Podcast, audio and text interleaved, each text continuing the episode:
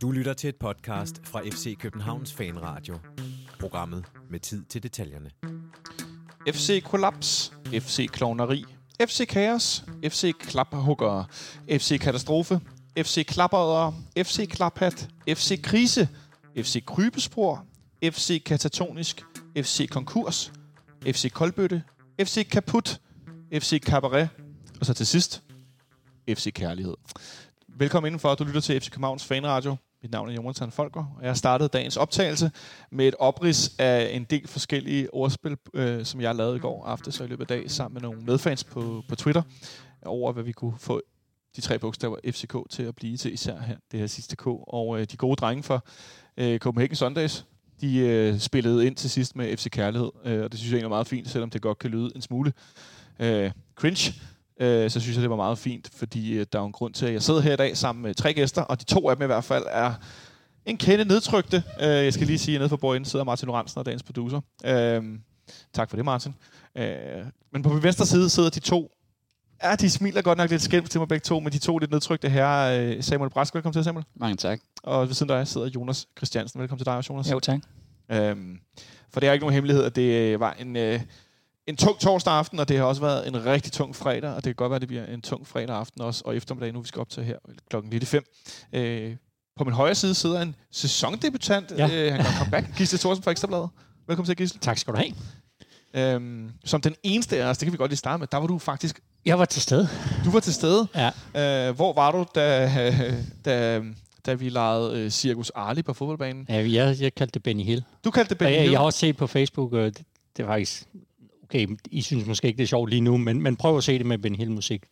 Øhm, jeg tror, det har været ret umuligt, hvis man er i nærheden af noget, der minder om social medie, ikke at Ah. komme forbi den udgave med Benny Hill-musik Okay, i dag. godt. Man kan selvfølgelig lade være med at trykke på, øh, trykke på play på videoen, men øhm, den har jeg gået verden rundt, har jeg set. Øhm, jeg har også pludselig oplevet nogle mennesker, der ikke har noget med FC København at gøre. Nogle Der udenlandske journalister, nogle spanske journalister, nogle italienske journalister, der pludselig delte øh, blandt andet den her lidt, lidt trinde øh, italienske øh, sportsjournalist, øh, som har fingrene nede i alt, øh, hedder han Palmetti, tror jeg til efternavn. Han er noget af en uh, spredebase. Han skrev Mamma Mia, og så retweetede han den her video med Benny Hill. Um, så ja, det, her, det er noget omkring. Men du var herinde i går, mm. um, inden vi går ind i den her forfærdelige fodboldkamp. En ting er, at øh, vi, sad, der, jeg var i hvert fald, jeg ved ikke, om I andre var derhjemme, jeg sad derhjemme for, med, med, med, tv'et, øhm, men hvad var det sådan rent, Øh, som nogle gange til de store kampe, så kan, kan det summe af stemninger. Nu er der selvfølgelig ikke nogen tilskuere, men selvom der ikke er nogen, som der ikke har været til en del kampe nu, så, så kan der alligevel godt være forskellige former for stemning, når man er der. Hvad var det for en, en, en stemning, du oplevede, der var i går? Jamen, jeg oplevede den egentlig tydeligst efter kampen, da, da kroaterne råbte og skreg. Altså, det var, det var helt vildt. Altså, det- det var, de var så lykkelige over at være gået videre og skulle have taget billeder. Og, ja, det var som om, de havde vundet en, en VM-final. Det var sådan der, man, man oplevede den tydeligst. Og så når der sidder en kroatisk radiokommentator lige bag en, så kan man da også høre, at når, når de var nede i FCK's ende især. Uh, men, men ellers er det jo bare mærkeligt. Altså, det er jo at gå til fodbold uden, uden tilskuer. Uh, det er trist. Øh, og jeg synes også, at det påvirker øh, det, der sker nede på banen i, i højere grad, end man egentlig tror. Hvad, hvordan, hvordan tænker du, det påvirker? Jamen, jeg tænker, at den der intensitet, der, der, der, der, ryger, der ryger noget ud, og som jeg siger, fodbold er jo en af de få sportsgrene, hvor publikum har en direkte indflydelse, eller kan få en direkte indflydelse på, på forløbet af, af det, de, det, de ser. Altså det, det, det er svært i så mange andre. Altså, det ser du ikke til et Formel 1-løb, vel? Øh, men, men altså i fodbold, når det, når, det har vi jo også oplevet herinde i parken, med, med nogle af de her sene comebacks i sidste sæson, altså hvor, hvor der bliver opbygget en eller anden form for en stemning, og når det første mål kommer, så kommer der hele den der, det tryk, den eufori, som, som kan ændre noget. Øhm, det kunne måske også ændre noget i går, tænker jeg. Øh, en pibekoncert kunne, kunne måske have gjort noget godt, eller, eller man kunne også have, have valgt at, at støtte voldsomt op, og så måske på den måde øh, ændret noget. Men, men i hvert fald den der hjælp, som man indimellem har brug for, den, den er der ikke, og jeg- tror, at det her FCK-hold har brug for, for den hjælp. For den hjælp, for alle mulige former for hjælp. Fordi, hvad var det for en, en fodboldkamp, du så i hvert fald til at starte med, Samuel? Jamen, altså, øh, til at starte med, at det er jo svært, fordi at, øh, at øh, man har jo en, øh, en antagelse inden kampen, hvordan man håber og forventer, at, at den kan forløbe. Øh, og, og de forventninger, som jeg burde have, er jo blevet øh, skruet drastisk ned i løbet af den her sæson. Øh, fordi at øh, kigger jeg i retroperspektiv for vores øh, sidste europæiske kamp til nu, så vil mine forventninger eller min, øh, min indgangsvinkel til kampen være øh, signifikant anderledes. Øh, og jeg går lige ind til kampen, at, at, øh, at jeg tænker, at vi skal faktisk bare starte med at, at prøve at stå solidt i kæderne, og øh, så prøve at se, om vi kan få de der få chancer offensivt. Øh, og til dels lykkes det i, i starten af kampen. Vi får i hvert fald lukket forholdsvis godt af ned bagfra. Øh, øh, men det var jo ligesom, det var jo højdepunktet i dag, ikke? at øh, det var egentlig øh, de første 20 minutter, var det acceptabelt. Det var acceptabelt, siger Samuel og Jonas, men jeg tænker sådan lidt, jeg synes, det var faktisk lidt opløftende, i hvert fald de første 15-20 minutter, at vi gik op i et meget højt pres, og det lykkedes store del af tiden, øh, hvor vi har set, både i starten af den her sæson, øh, og også sådan øh, i slutningen af sidste sæson, eller store del af 2020 i virkeligheden, at det her høje pres, det er bare til at spille direkte igennem. Det lykkedes rent faktisk lidt i går. Tror du, det var fordi, at vi stod bedre i kæderne, som Samuel ind på, eller fordi det her Rijeka-hold i virkeligheden med bolden, i hvert fald i den her del af kampen, var ret dårligt? Nej, altså jeg, jeg havde lidt forhåbninger til den her kamp, at det kunne blive lidt eller mod, mod Piast, at, øh, at her der møder vi rent faktisk ikke et Superliga-modstander, som bare presser sig ned med, med et højt pres, men nogen, som er lidt nervøse i sådan en playoff-kamp, som trækker sig lidt mere tilbage i en defensiv opstilling. At det skulle gøre, at vi, vi får lidt mere kontrol med bolden, øh, og det synes jeg egentlig også, vi fik de første 20 minutter, men man kunne godt mærke, at der var den her så lidt øh, sådan nedtrykthed og frustration i, øh, i spillet og, og inde på banen blandt spillerne. Der, der manglede simpelthen, det er, ikke, det er ikke bare sådan en ren frustration over, at tingene ikke kører, men det var også bare sådan den her sådan selvtillidsforladte boldomgang, der var. Ligesom om, da vi kommer ud omkring de her første kvarter, øh, efter at Ståles pep talk er, er glædet af, så falder vi lidt tilbage i de samme mønstre. Øh, meget symbolsk øh, frem til det, det 19. minut, det her mål. Ja, fordi det kan vi jo, nu var Gisle ind på det før, Samuel, det kan vi, vi kan lige så godt, altså nu har jeg skrevet, vi skal godt tale om det, jeg har skrevet på mit, min, mit, øh, i mit ark her, jeg har kaldt det cirkusmål. Ja, ja det, det, det, det er det. Øh, jeg skrev også til... Nu, nu var Benny Hill øh, som eksempel, men jeg, jeg skriver cirkus, der er også lidt cirkus over Benny Hill-temaet, men, men at det, det bliver sådan lidt fald, fald på halen, øh, kig på min blomst, så sprøjter den vand i hovedet på dig-agtigt. Øh, Altså for det første, der er det jo, der, der er det jo måske banens langsomste spiller, der, der, der får lov at løbe.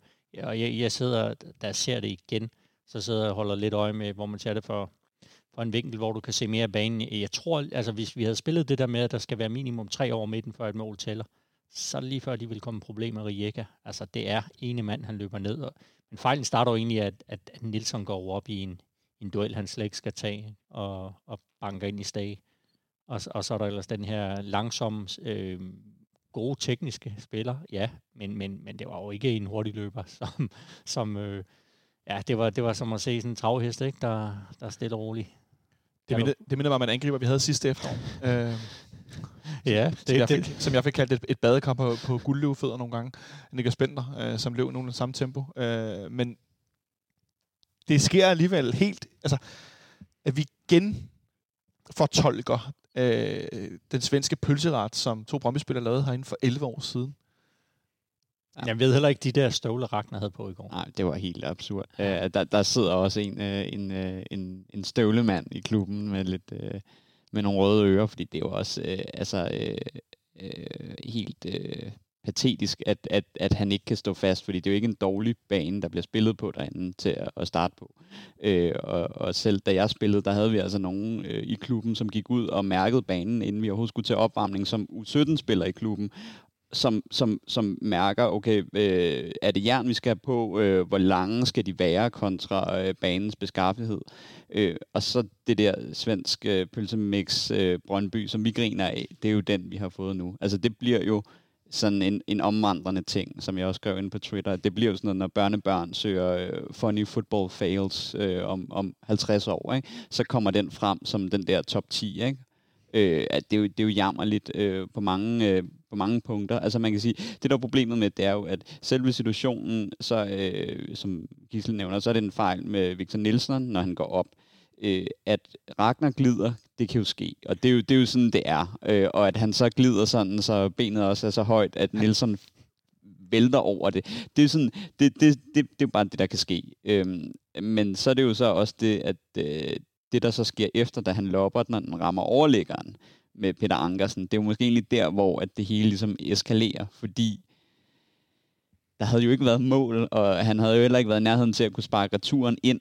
Og det er jo bare så symptomatisk, at øh, Peter Ankersen jagter bolden så meget, øh, men han kan alligevel ikke nå den, at han så er så tæt på, at han ikke kan reagere, når den rammer ned på ham. Øhm, jeg ved simpelthen ikke, hvad jeg skal sige. Er vi ikke ude i sådan noget med, Jonas, i virkeligheden, at Peter Ankersen vil løbe ind på stregen, som man nogle gange gør som forsvarsspiller, hvis målmanden ikke er der, for ligesom man måske kan løfte benet og parere, eller altså sådan, så det måske også bliver sværere for angriberen at sparke på mål, fordi der er en krop, som man skal passere. Ja, han, han, han jager jo bolden og ser, om han ikke kan redde den på stregen. Altså, jeg, jeg tror, det er det, han tænker. Men det er jo bare sindssygt frustrerende, fordi hele, altså man kan se, samtlige, eller de resterende 19 spillere, eller 18 spillere på banen, de står nede på Riegas banehalvdel og venter på, at angriberen tager et eller andet øh, langskud eller noget til indkast eller et eller andet. Men øh, vi har tre spillere mod en rigtig langsom spiller. Jeg tror faktisk fire eller fem nærmest, ja. ikke? Altså. Ja. Over, over midtbanen, der lunder der nedad. Og så det ender i, i et mål. Det er bare sådan...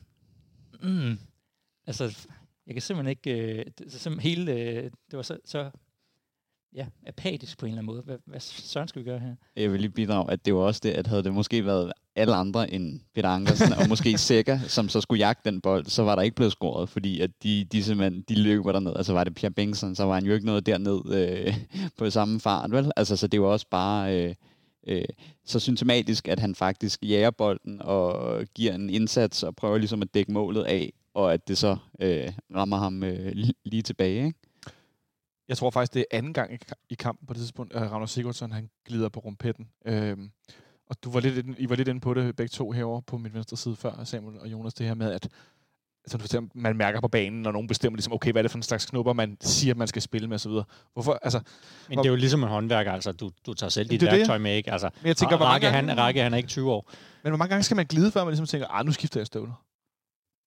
En gang. Jamen, altså, det, det, fordi, fordi at, at du, altså, der er jo en ting er at glide, som i, at uh, det sker, men, men det her her kan man jo se, at han står ikke fast, og om det så er støvlen, knopperne eller noget helt tredje, men det er bare, øh, det er hammerende uprofessionelt. At det, det er noget, man kunne se en, øh, en teenager til sin debutkamp lave, og sige, at, at han tænker ikke øh, eksterne øh, ting med ind omkring øh, tøj, øh, støvler, sko, hvor sætter man skinnerne og tape og det ene og det andet. Der er mange bøder, det du siger. ja, ja, men det her, her, her altså man kan jo se det åbenlyst, og der er jo lavet støvler til det, og det er bare, øh, det, det, jeg, jeg, jeg, jeg ved faktisk ikke, hvad jeg skal sige, fordi det, for mig er det uprofessionelt. Det er det, det, det er. Det er uprofessionelt? Og, ja, og det er så mange penge, der bliver spillet om, at det er, sådan, det er bare en ting, hvor at, altså, man forventer, der er jo styr på det. Ikke? Altså, det skal der være styr på. Men, men ender det i virkeligheden ikke ud i, at det er jo lige meget, at Ravner glider og fælder Victor Nielsen, hvis vores ven fra Kroatien, han ikke lopper bolden på overlæggerne ned i Peter Ankersen. Altså det er det her med antallet af ting, som er der op til at blive det her absurde selvmål, er jo også... Ja, ja, det, det, det er rigtig, rigtig, rigtig mange fejl, og, og så en lille smule uheld også. Det er ikke de her tre fejl, som, som Christian Olsen han ønede at fortælle om, som Flemming Pedersen, øh, Pedersen nuværende FC Nordsjælland, cheftræner, han havde talt om, at hvis du laver tre defensive fejl, så scorer modstanderen ofte, eller har en stor chance eller en afslutning. Mm. I går var det her mål er jo nærmest 6, 7, 8 fejl, vi kan tælle. Jo, jo, så siger scorer modstanderen ofte, fordi modstanderen har flere spillere op på modstanderens halvdel, så de kan lave noget fornuftigt. Altså her var det jo en mand, som, som løber ned som lonely rider. Men, men uden at, at, at glemme resten af første halvleg, fordi så blev det jo, som vi godt kunne regne ud, det ville blive. Jeg tror ikke, der var nogen her, der sad og tænkte, nå, nu slår vi hurtigt tilbage. Eller jeg regner med, at der kom chancer, ikke? Eller i hvert fald ja. øh, noget, der mindede om chancer. Hvad har en hovedstødsafslutning efter 4-5 minutter på Johns Park, ikke? Mm. Øh, der bliver hættet. Jonas Vind. Ja, lige netop ja. ind i, i lapperne på, på keeperen, sådan rimelig ufarligt. Men, men der kommer jo ingen indlæg. Der er jo ingenting. Altså, og når selv Ståle Solbakken siger det efter en kamp, fordi normalt, der har han jo den der, når han tæller chancer, så er det jo, så har FCK haft en 7-8 stykker, og modstanderen har haft tre, og så sidder man lidt, hmm, okay. Altså her der sagde han, vi har jo ingen chancer. Og det, og, det, og det var jo korrekt, og det var jo det, der var, sådan, var det mest, mest skræmmende, fordi man havde jo bolden meget op på deres halvdel. Ekstremt meget. Men hvorfor skaber vi ikke nogen chancer? Jeg bliver nødt til at påpege en af de åbenlyse ting. Vi spiller med en venstre side i går, som er så dårlig i deres relation, vores venstre bakker vores venstre med. Så vores venstre midt igen, Samuel, bliver skiftet ud i pausen. Victor Fischer. Ja. Jeg ved godt, manden lige er blevet opereret her i den her sommerperiode. Det var jo ikke i sommerpausen. Den varede kun 12 dage. Øhm, men han ligner jo en, der er klar til at spille fodbold på et helt andet niveau. Jamen, altså, der er jo ingen undskyldninger, fordi at det, er jo, øh, det er jo absurd dårligt, øh, og, og han er ligesom rådet ned på, på et niveau, som, øh, som vi måske kan acceptere, at Mohamed Darami har, og måske er den grund til, at han ikke er i truppen, med at tage dårlige beslutninger med bolden. Øh, fordi man kan godt løbe så meget og øh, lave så meget defensivt arbejde, men han, han, han dribler i blindgyder, og han, han øh, kigger meget ned på bolden, og egentlig ikke for at åbne spillet op. Og det betyder jo også, at øh, relationelt er han også rimelig dårlig med Pierre Bengtsson, så det skaber bare en endnu dårligere situation. Og øh, jeg er ude i, at, øh, at, at du kan godt sige, han har været skadet, og han måske ikke har den der kampform, når du har spillet 10 gange træk. Men når du tager øh, en Jonas Vind i og, og sammenligner og laver en komparativ og siger, øh, han går ud og kommer tilbage fra skade i, hvad, 9 måneder har han været ude? Ja, ni måneder cirka, ja. Øh, det tager ham to kampe, og så viser han øh, højt niveau i enkelte situationer, som man kan se, hvor at man, man kan se, at han har det stadigvæk. Det er ikke, fordi det er forsvundet. Victor Fischer, øh, altså, der er jo ikke set en god aktion siden Brøndby-kampen i 1. september øh, fra hans side. December. December. det er længe Ja. siden, det er snart et år siden. Øh, og, og, og han er handlet dyrt ind som en, en stjerne, som skulle være i klubben og så videre. Og, og det han viser nu, øh, berettiger ham ikke engang til en startplads. Øh, så jeg tror også selv, han skal kigge indad, og ikke begynde at undskylde med, at det er dårlig form, fordi det er, det er ikke godt nok for en spiller på det niveau, han burde have. Jeg sad, Jonas, i går og tænkte, om Pierre Bengtsson sammen med Victor Fischer i går havde flere boldberøringer til sammen end Barcelona i deres storhedstid under Pep Guardiola. Fordi den blev simpelthen skubbet til højre og venstre og driblet rundt om sig selv, og så stillede de sig så mærkeligt for hinanden, så de ikke kunne spille hinanden. Altså, de, de isolerede hele tiden den ene med bolden ud i den side over for tre modstandere, så den skulle spilles hele vejen tilbage til en forsvarsspiller. Altså, vi taler midterforsvarsspiller helt tilbage, så skulle den lidt til den anden side, og så var den tilbage, og de, de blev hele tiden væk fra hinanden. Ja. Altså, det er jo ikke... Nu, nu nævnte Samuel, øh, hvad vil jeg sige, forklaring på, hvorfor vi kan være inde i en situation, hvor en spiller gør sådan. En 18-årig, et talent. Vi taler om en meget, meget rutineret svensk landsholdsspiller. Og så taler vi om et, der, en spiller, der tidligere var et dansk megatalent i Ajax, og som blev top 20 i Golden Boy-afstemningen, eller hvordan var det i sin Ja, tid? men han var også øh, i det her ungdoms Champions League, kan du ja. Huske, han var, var han i finalen. Jeg er ikke sikker på, om de vandt, men, men, men, men han var... Ja, for deres, og for deres første hold på Ajax, ja. han startede jo som falsk nier, øh, og spillede jo fremragende. Jeg ved godt, du ikke har de, de vise sten nede i hjørnet her rundt om bordet, men hvad fanden er det, der sker? Men jeg ved det ikke, altså jeg synes hele holdet manglede selvtillid, altså fordi jeg synes egentlig i, i her efter målet og resten af første halvleg var der en masse muligheder i, i spillet, som bare ikke blev taget. Altså det er som om, der, der var pasningsbaner fri, som man ikke turde at tage. Der var nogle direkte bold frem i banen, som man ikke turde spille op. Og det ender bare i, at vi ser det her, hvor det var rigtig gralt, også for Pierre Bengtsson i går, hvor vi ser, at han, altså panikken løber ind i ham, når han, når han bliver presset, og så skal han tilbage igen. Der var rigtig mange af de her frustrerende øjeblikke. Og i forhold til Fischer, jeg, jeg tror simpelthen, han, han har haft sådan en mærkelig skade, hvor han ikke længere stoler på sin egen krop. Han stoler ikke på sin egen eksplosivitet på en eller anden måde. Altså der, der er et eller andet mellem øh, hånd til øje, hånd til fod, koordination, eller ja. et eller andet, han ikke stoler på længere. Øh, og sådan simpelthen, ja, igen også selv miste selvtillid i, i, at han kan gå forbi en mand. Han kommer lidt ind øh, mod øh, Göteborg og har lidt gå på mod og så videre, og så fader det ud efter 20 minutter igen. Og jeg ved simpelthen ikke, hvad der skal til, for at øh, man får ham i gang igen. Han har haft nogle assist i sidste sæson, men, men hvis vi skal være lidt grove, så kan vi vel sige, at, at Victor Fischer har ikke været Victor Fischer, siden han blev sparket ned i, jeg tror det var i Vendsyssel for snart to år siden. Hvor vi taber 2-1. En helt ja. forfærdelig kamp også. Det fik vi også lige luftet, den nej, var rart. øh, men ja, Det, det, det var der, det ligesom, fordi det var der, sådan skaderne begyndte at komme, og så, så er det rigtigt, han, jeg tror, han lå okay med med assist sådan, siden, ikke helt det der ekstreme niveau, men, men målene, det er jo som, som altså, Ja. 1. december, to mod Brøndby, og det var jo de, de eneste i sidste sæson. han laver en 7-8 sidste sidste sæson, hvis jeg ikke tager meget fejl. Øh, Vi jo starter er vist rigtig fint. godt mod AGF, ikke? og laver et par flotte assist, som jeg husker det, men, men kunne ikke rigtig følge op.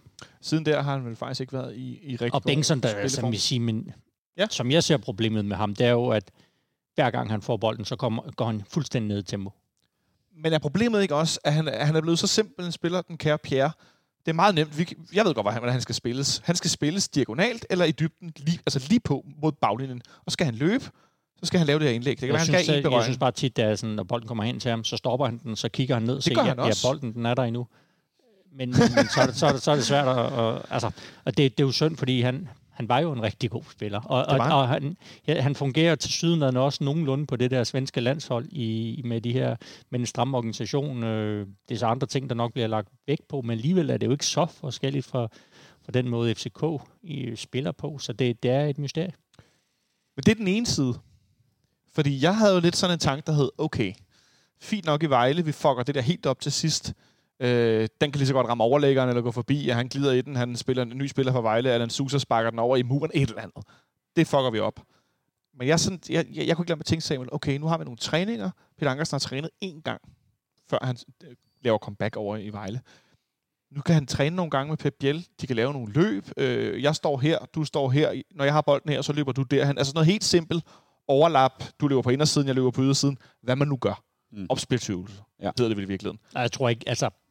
Men det kunne man, ja, men jeg tror ikke, man har noget. Altså, men fordi det, det kunne man godt gøre bare en enkelt gang 10 minutter. Jo, men du siger mand, der restituerer Ja. de onsdag, øh, den der dagen før træning, er jo heller ikke rigtig noget sådan... Nej, og det, det er jo taktisk, de kigger på. Altså, det er jo sådan noget, altså, det, det kan komme senere. Det er jo sådan noget med dødbolde og placeringer altså på offensiv og defensiv standardsituationer. Det, det er jo det, der er det primære, fordi det er meget sådan, det er en rolle, du har, og den skal du ligesom udfylde i en given position, hvor det kommer jo efter. Altså, det, det meste, de har lavet, det er vel den der klassiske skabelonøvelse, de laver inden kampen, ikke? hvor de spiller ned og spiller dybt til bakke, og så kan lægge af. Ikke? Altså, det, det, de har ikke fået spillet noget sammen. Jeg så, vi var ikke lige nogen, så så, så, vi ikke nogen nye hjørnsbakskombinationer i går? Eller sådan Og det var der. Jeg synes, var- der var, der var lidt, nogle- det, det, det, har de brugt lidt tid på. Nogle ja. indløb. Men jeg var lige optimistisk, fordi jeg kunne godt se for mig, selvom Pep Biel, han er måske den langsomste midtbanespiller, vi har haft de sidste 10 år, så kunne der godt være noget i, at han trækker ind i banen og lægger den diagonalt ud til Ankersen, der kommer tæskende afsted, laver det her indlæg, og den anden vej rundt. Det, kunne- det kunne jeg godt se for mig.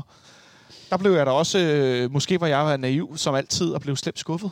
Ja, øh, Ja, det tak, blev du tak. jo. Øh, men men, men det, det, det bunder nok at sige, at de har jo selvfølgelig styr på øh, vores hold og vores trup. Og der er det jo klart, at de kan jo se, øh, som vi nok også kommer ind på senere, at øh, altså, en, vi har en mand, som starter ind i går, som kan sætte en anden mand i en en mod en duel, og det er faktisk Peter Ankersen, vores, vores nye bak. Altså, han er den eneste, hvor man faktisk kan sige, at han kan have noget eksplosivitet til faktisk at kunne, selvom han ikke er øh, teknisk vidunder, så kan han stadigvæk tage et langt træk, og han har noget, øh, noget tyngde og noget adræthed.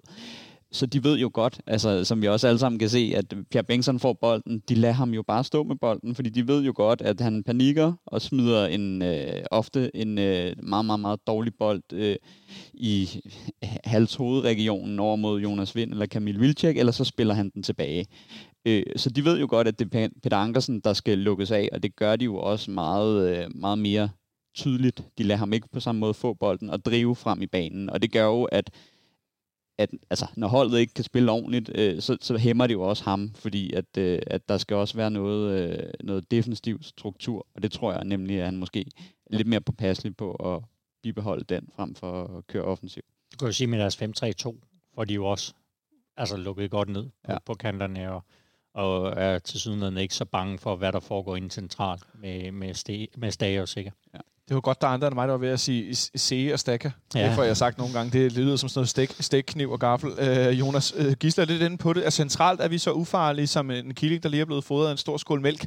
Fordi at, øh, det kan godt være, at Modrasja, som spillede meget uheldigt i stor del af kampen i Vejle, han ikke er med fra start. Det var Jens Dage så igen.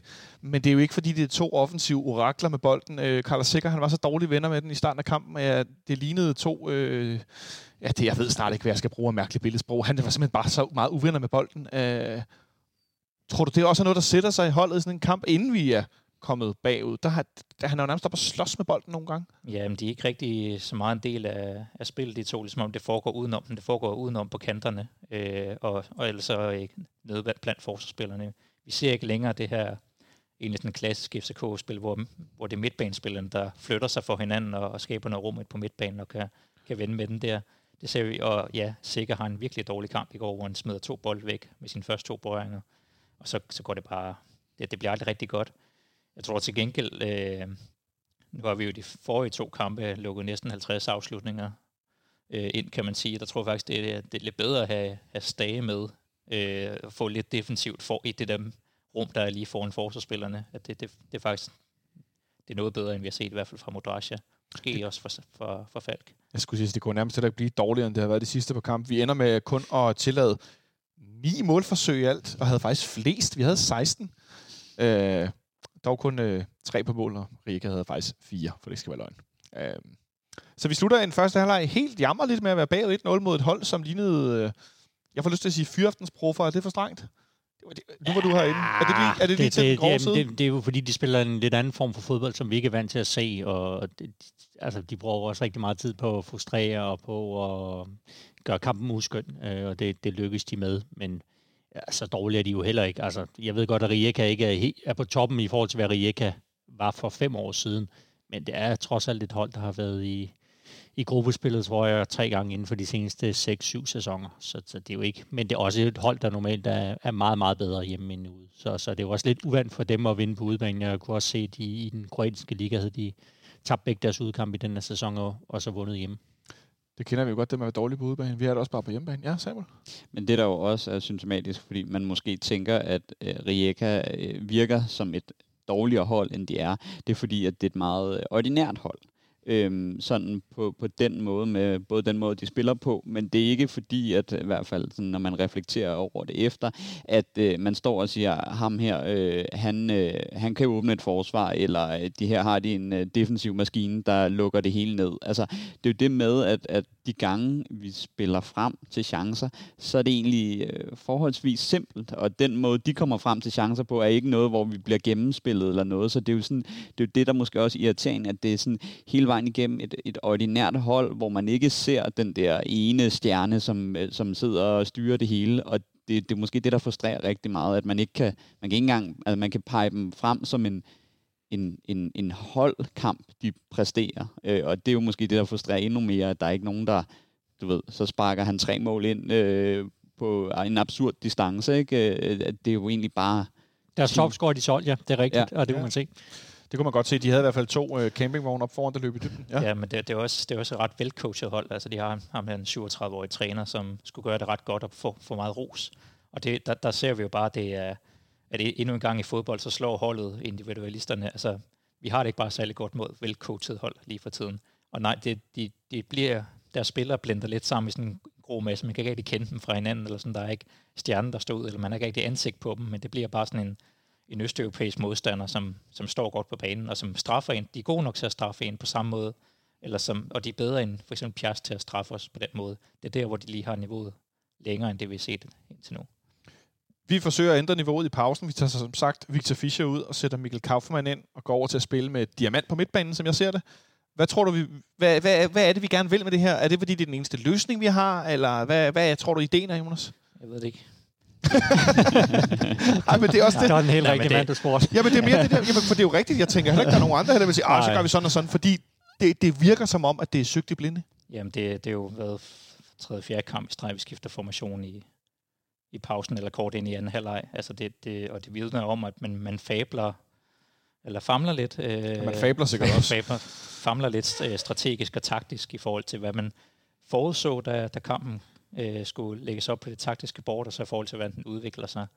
Øhm, det, det fungerer ikke i den måde, vi sætter det op lige nu, og vi kan jo se det bare netop på for eksempel baksene. Det begynder at virke lidt i højre side. Øh, det skal nok blive bedre. Det har jeg egentlig fortrolighed, eller fortrøstning til. Det er et, fodbold er jo et, et, en sport, øh, der, der beror sig rigtig meget på synergier. Der kan man sige, at Ankersen gør højre siden bedre defensivt, og højre siden, eller defensiven bedre i den side. Men det går bare i stå i den anden side, og vi har altid skulle bruge offensive backs for at skabe bredden, især når vi har meget indadvendte kanter. Og det, lige nu så klumper det hele bare sammen på midtbanen, og vi kan ikke rigtig komme videre derfra. Det klumper sammen på midtbanen, og så så det kunne hjælpe mig ud, som om Jens Dage blev skadet igen. Han humpede i hvert fald ud. Han lignede ikke en, der blev skiftet ud, fordi han var flad. Han lignede en, der blev skiftet ud, fordi han var skadet efter 56 minutter. Han satte sig noget frustreret ned på udskiftningsbænken, og så kom Robert Modrasja ind igen. Øh, og det giver også meget god mening, for der skulle også ske noget, øh, noget dynamik. Der skulle, øh, nogen skulle skabe noget, især nu Rasmus Falk øh, også er skadet. Øh, hvordan synes du så, han gjorde det den her gang, Modrasja, på, da han kom på banen?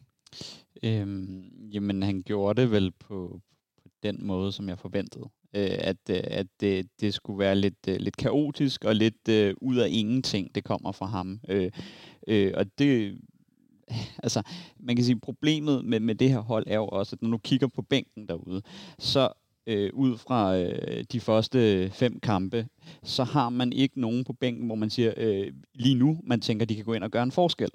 Øh, man har en Mikko Kaufmann, som er øh, meget uskolet. Man har en Darami, som er faldet signifikant i niveau. Og så har man Modrasja, som leverer en, et godt indhop mod Jødeborg.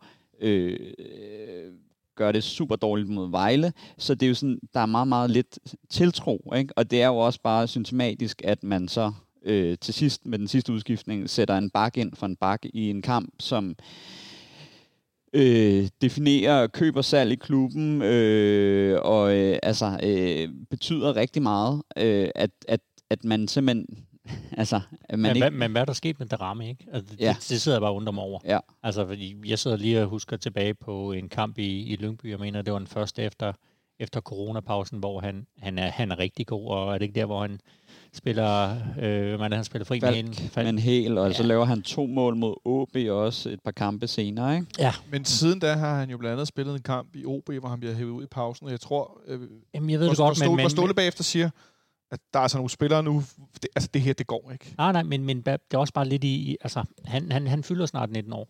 Øh, det, det, det er slut med at tale om ham som et talent, synes jeg.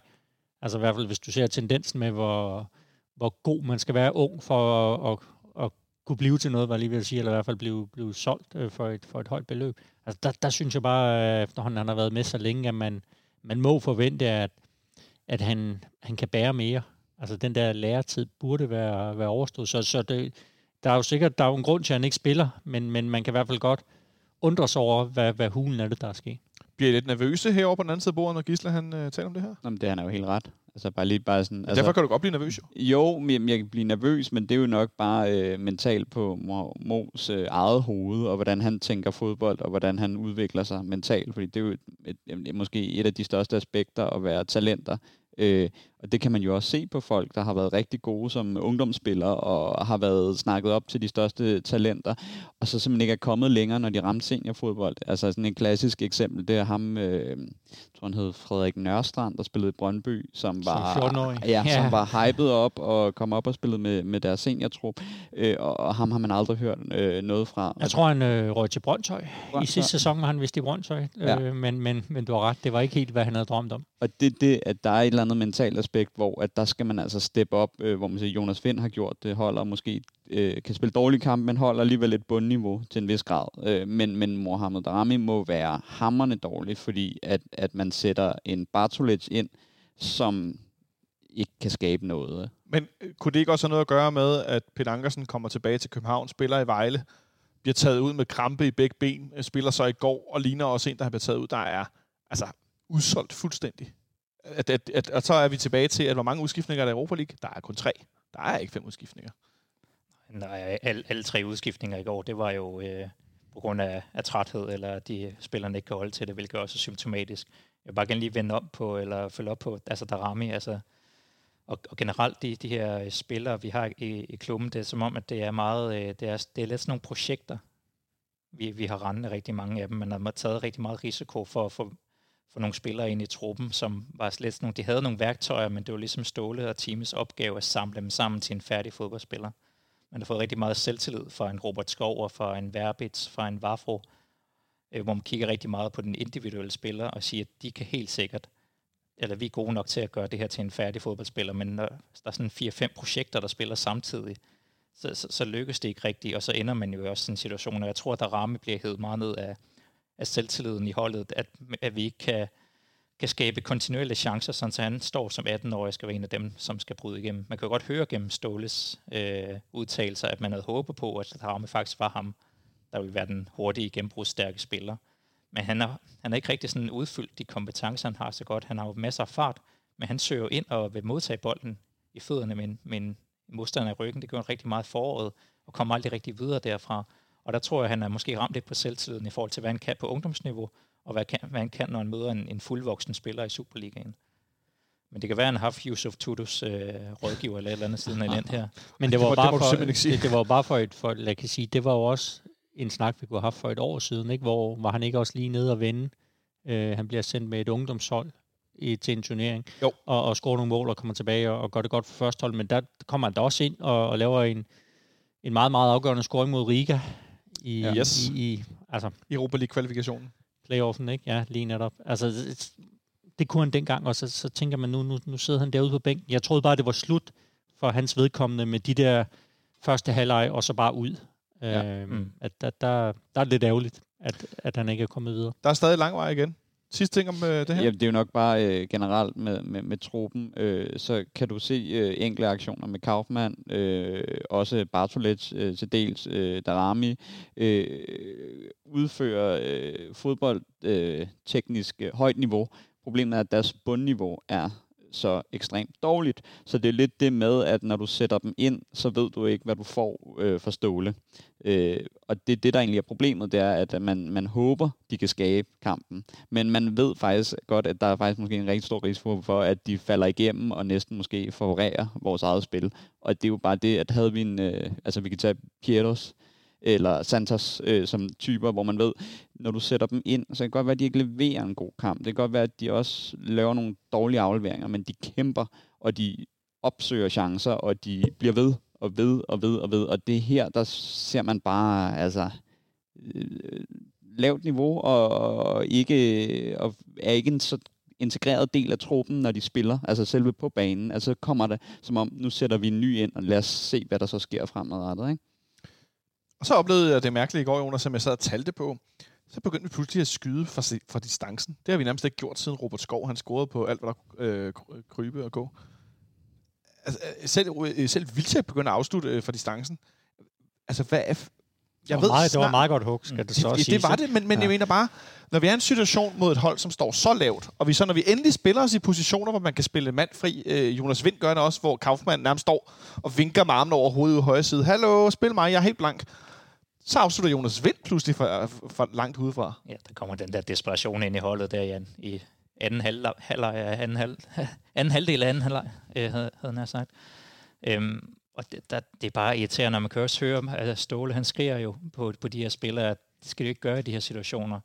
Og jeg synes, det er symptomatisk, at der, der, er, der er rigtig mange øh, elementer i, i spillet, hvor man, i og med, at der ikke er tilskuere, så kan man høre, hvornår de, de, de råber til hinanden. Og det, Ja. det er sådan nogle helt basale ting, der bliver råbt af eller tiljublet i spillet. Den er som, om man sådan laver sådan en aktiv træningskamp med nogle af de helt basale principper und, midt i en playoff-kamp til Europa.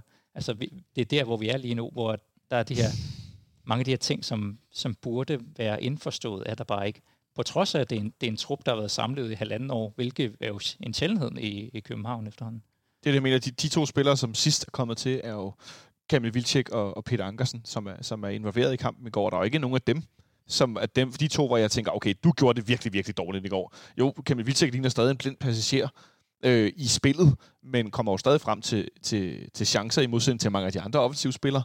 Øh, så kan man altid tale om, at han skal være mere integreret i spillet, men han kommer jo faktisk frem til det, som er en angribers allervigtigste opgave, hvis du spørger mig. Det er forhåbentlig at score mål. Øh, men, men der er jo ikke nogen, som er nye. Peter Ankersen kender systemet. Michael Kaufmann har været siden januar. Øh, Vilcek ligner en, som bliver sat op til de chancer, han skal bruge til at score. I går var de I ikke så store, halvleg, de i anden halvleg, ja. I anden halvleg, ja. Men i I- første halvleg så vi ham ikke. i første der var han usynlig. Øh, og så når vi til det her punkt i kampen, hvor at Rijeka, de godt ved, hver gang de får et frispark, så tager det halvanden minut. Og det er helt tydeligt, at Ståle også råber, lad være forsigtig, forsigtig, forsigtig, fordi de må ikke lave de her mange frispark, fordi så dør kampen bare hele tiden. Det lykkes i nogle perioder. Vi har en periode i anden halvleg, hvor jeg sad og tænkte, okay, nu kan det faktisk godt være, at vi scorer. Fordi vi generobrede bolden en hel del gange over 5, 7, 10 minutter, får lagt et rigtig højt pres, kommer indlæg. Vi har øh, Pep Biel, der har en afslutning, der bliver blokeret. Øh, vi har øh, Jonas Vinds langskud, vi har Kamil Vilceks helt flugt, der er det vel Ja, nærmest. det er en helt flugt fra kanten af feltet. Ja, øh, vi har nogle han forskellige han har også et situationer. hovedstød, ikke? Mm. Og et hovedstød, ja. Ja. ja. Så, så faktisk, der synes jeg faktisk, at vi for første gang i altså, noget tid, har jeg lyst til at sige, der lignede vi faktisk et fodboldhold. Der blev, der blev, det var efter, øh, Bartolets kom ind. Spillet blev bredt ud, spillet begge sider. Per Bengtsson var, blev ikke, var ikke helt alene hele tiden. Øh, han havde en god kombination på tidspunkt med, med Modrasja. Der var sådan lidt, der var faktisk lidt spil, og nej, det er ikke fordi, jeg sidder og siger, hey, nu var alt godt og vifter med Dannebro. Men der var rent faktisk noget spil.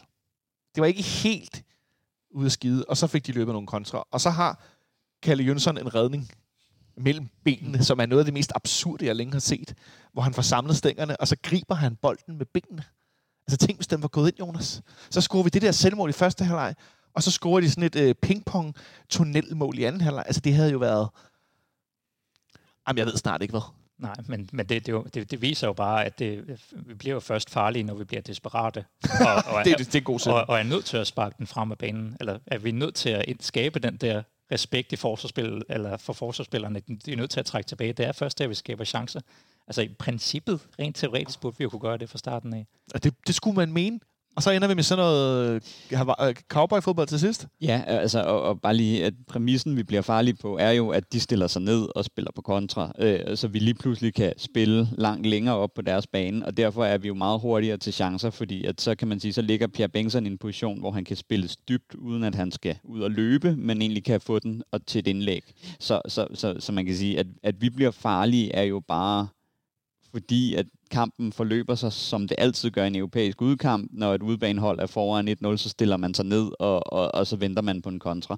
Så, så og vi, vi skaber jo ikke, altså, vi skaber jo ikke øh, Øh, målchancer, hvor du ser en skabelon, der kører fra det. At det er sådan noget, øh, så bliver der en god 1-2 imellem et par spillere, men ellers så er det jo, altså, der, jeg stod ikke på noget tidspunkt den her kamp og tænker, øh, hvis vi skruer, så bliver det noget klumpemål, eller noget returbold, eller en eller anden dødbold. Altså, der var ikke noget, der var gennemspillet, og det er jo fordi, at Modrasja havde ikke en god kamp, og så øh, burde det være Rasmus Fald, det hvilede på i sådan en kamp, og når han ikke er der, altså, der er jo intet kreativt. Øh, Sækker er en god øh, oprydder, øh, og Jens Dage er en god øh, box-to-box-spiller, men der er jo ikke nogen, der har noget øh, teknisk niveau til at bryde kæderne, eller til at spille mellem kæderne, eller have noget blik for spillet, så det bliver jo sådan et øh, kick and rush-agtigt. Det kan jo også bare tælle chan- eller redninger for målmanden. Ja. Hvor mange gode redninger han har.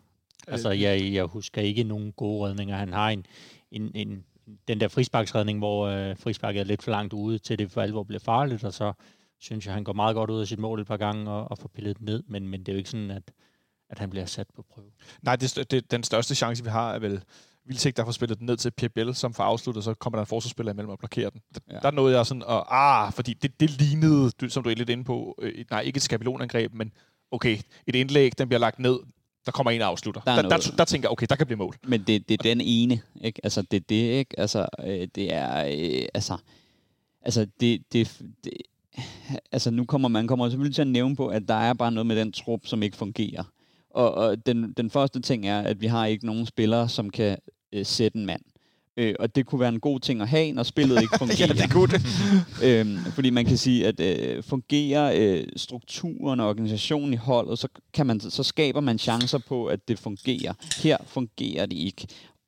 Og når man så ikke har en mand, der kan, der, der kan vinde, som Rasmus Falk kan, eller nogen, som kan tage en en mod en, altså, øh, så, så, så har vi jo bare ikke noget, øh, der er ikke noget, øh, der er ikke noget tydeligt. Nej, der er ikke noget overraskende. Nej. Nej, der er ingenting. Der var en ting, jeg sad bare og lagde, lagde meget mærke til. Det, man, altså, man kan sidde lidt mere uforstyrret derinde, når der ikke er, er, er folk, der sidder og kaster mølle efter en, eller og råber og skriger. um, Kaster de øl efter dig på, på øvrigt? nej, nej, nej, men jeg siger, vi har da prøvet et par gange ude på, på Brøndby Stadion, hvis der hvis, hvis FCK... Man, man skal aldrig sætte sig tæt på Torgild og de der på Brøndby Stadion. Ej, okay, og det var Jan, ikke klar Jan. Jan Eliassen, fordi så, så, så er der en vis risiko for, at man, man kan blive ramt af noget. Ej, var det bøvet. Nå, undskyld. Ja, Det var en lille Ja, ja, ja, men ja, men, øh, nej, men jeg lagde, jeg lagde mærke til, hvor mange bolde man egentlig bare sparker op. Ja. Altså, for, for Kal- Ka- Kalle, øh, hvor Shibum frem med forsvarsspillerne. Og så, nu, nu har jeg ikke nogen træneruddannelse eller noget, men, men noget fodbold ser jeg. Og jeg synes bare, det er sjældent, at jeg ser på internationalt niveau tendensen nu her, at, at folk bare høvler den op. Altså det er altså med at spille den ud, og især med, med det her med, øh, nu må forsvarsspilleren gå ind i feltet og alle de her ting. Altså at man spiller med, ikke, jeg ved ikke, om man siger sige ekstrem risiko. Det vil de jo ikke mene, de der hold, fordi de mener jo, at de netop bare tager vare på spillet, og det er endnu mere risikofyldt at sparke den op i luften, og så er det allerede en 50-50 duel. Der, der synes jeg, et eller andet, der, der, der er et eller andet, der, der, der må gøres noget ved. Jeg vil ikke sige, at man, man ikke har fulgt med fodboldudviklingen, det har jeg slet ikke øh, belæg for at sige, men, men, men det undrer mig, at, at man starter så mange angreb på den måde. Ja, det, det, det vilde er jo, at vores hold er jo i princippet designet til os at kunne åbne sådan et, et forsvar, der står dybt. Altså, det er jo, altså Jonas Vind og indadvendte kanter, og Baxter kommer højt og så videre, og Rasmus Fald, der løber rundt i midten. Hele vores hold er designet til at skulle åbne sådan et europæisk eller et Superliga-forsvar, der står dybt og frygter os. Så kan man sige, i Superligaen, så har man så regnet ud, og så kan man presse os højt. Så vi, så vi har vi, vi tror ikke rigtig i dybden, sådan, så de hø- behøver at stå der. Men selv når vi så kommer til sådan en aften i går, så kan vi selv ikke skabe chancer, mod, øh, selvom vores hold burde. Nej, det kunne vi næsten ikke. Vi var inde på, at der var en. Samuel? Ja, øh, altså det der jo også er med, det er, at øh, problemet er lidt, at, at vores plan B, det er at skifte opstilling. Altså prøve noget nyt, og så spille med, med, med, med bakkerne højere op, eller vende og køre med en diamant, eller et eller andet. Øh, det er jo bare ikke en ordentlig plan, fordi man kan sige, tidligere så har vi haft det, vi har haft en talisman, eller en target man, hvor man ved, måske en ud af tre gange, så får du flyttet spillet 70 meter op på banen, fordi at vedkommende får taget den ned og lagt den af det har man jo ikke her. Altså man har Jonas Vind, som vel er øh, god på hovedet, men ikke, ikke, altså, ikke noget signifikant i forhold til de midterforsvar. Så det er problemet er jo så også bare, når man så losser, så får man bare heller ikke øh, et ordentligt output ud af det. Øh, at det er som om, vi tænker, at når man, så ligger der en Cornelius eller en Døj op. Det gør der bare ikke. Og når man så endda bruger vind som en lidt mere tier-type og ikke helt oppe, så, så, så spiller vi den jo egentlig blinde, ikke? og håber på, at der sker noget. Jeg ved ikke, om, man, om det er fordi, at man, man, man tror, eller synes, at Kalle Jonsson er, er for dårlig med fødderne.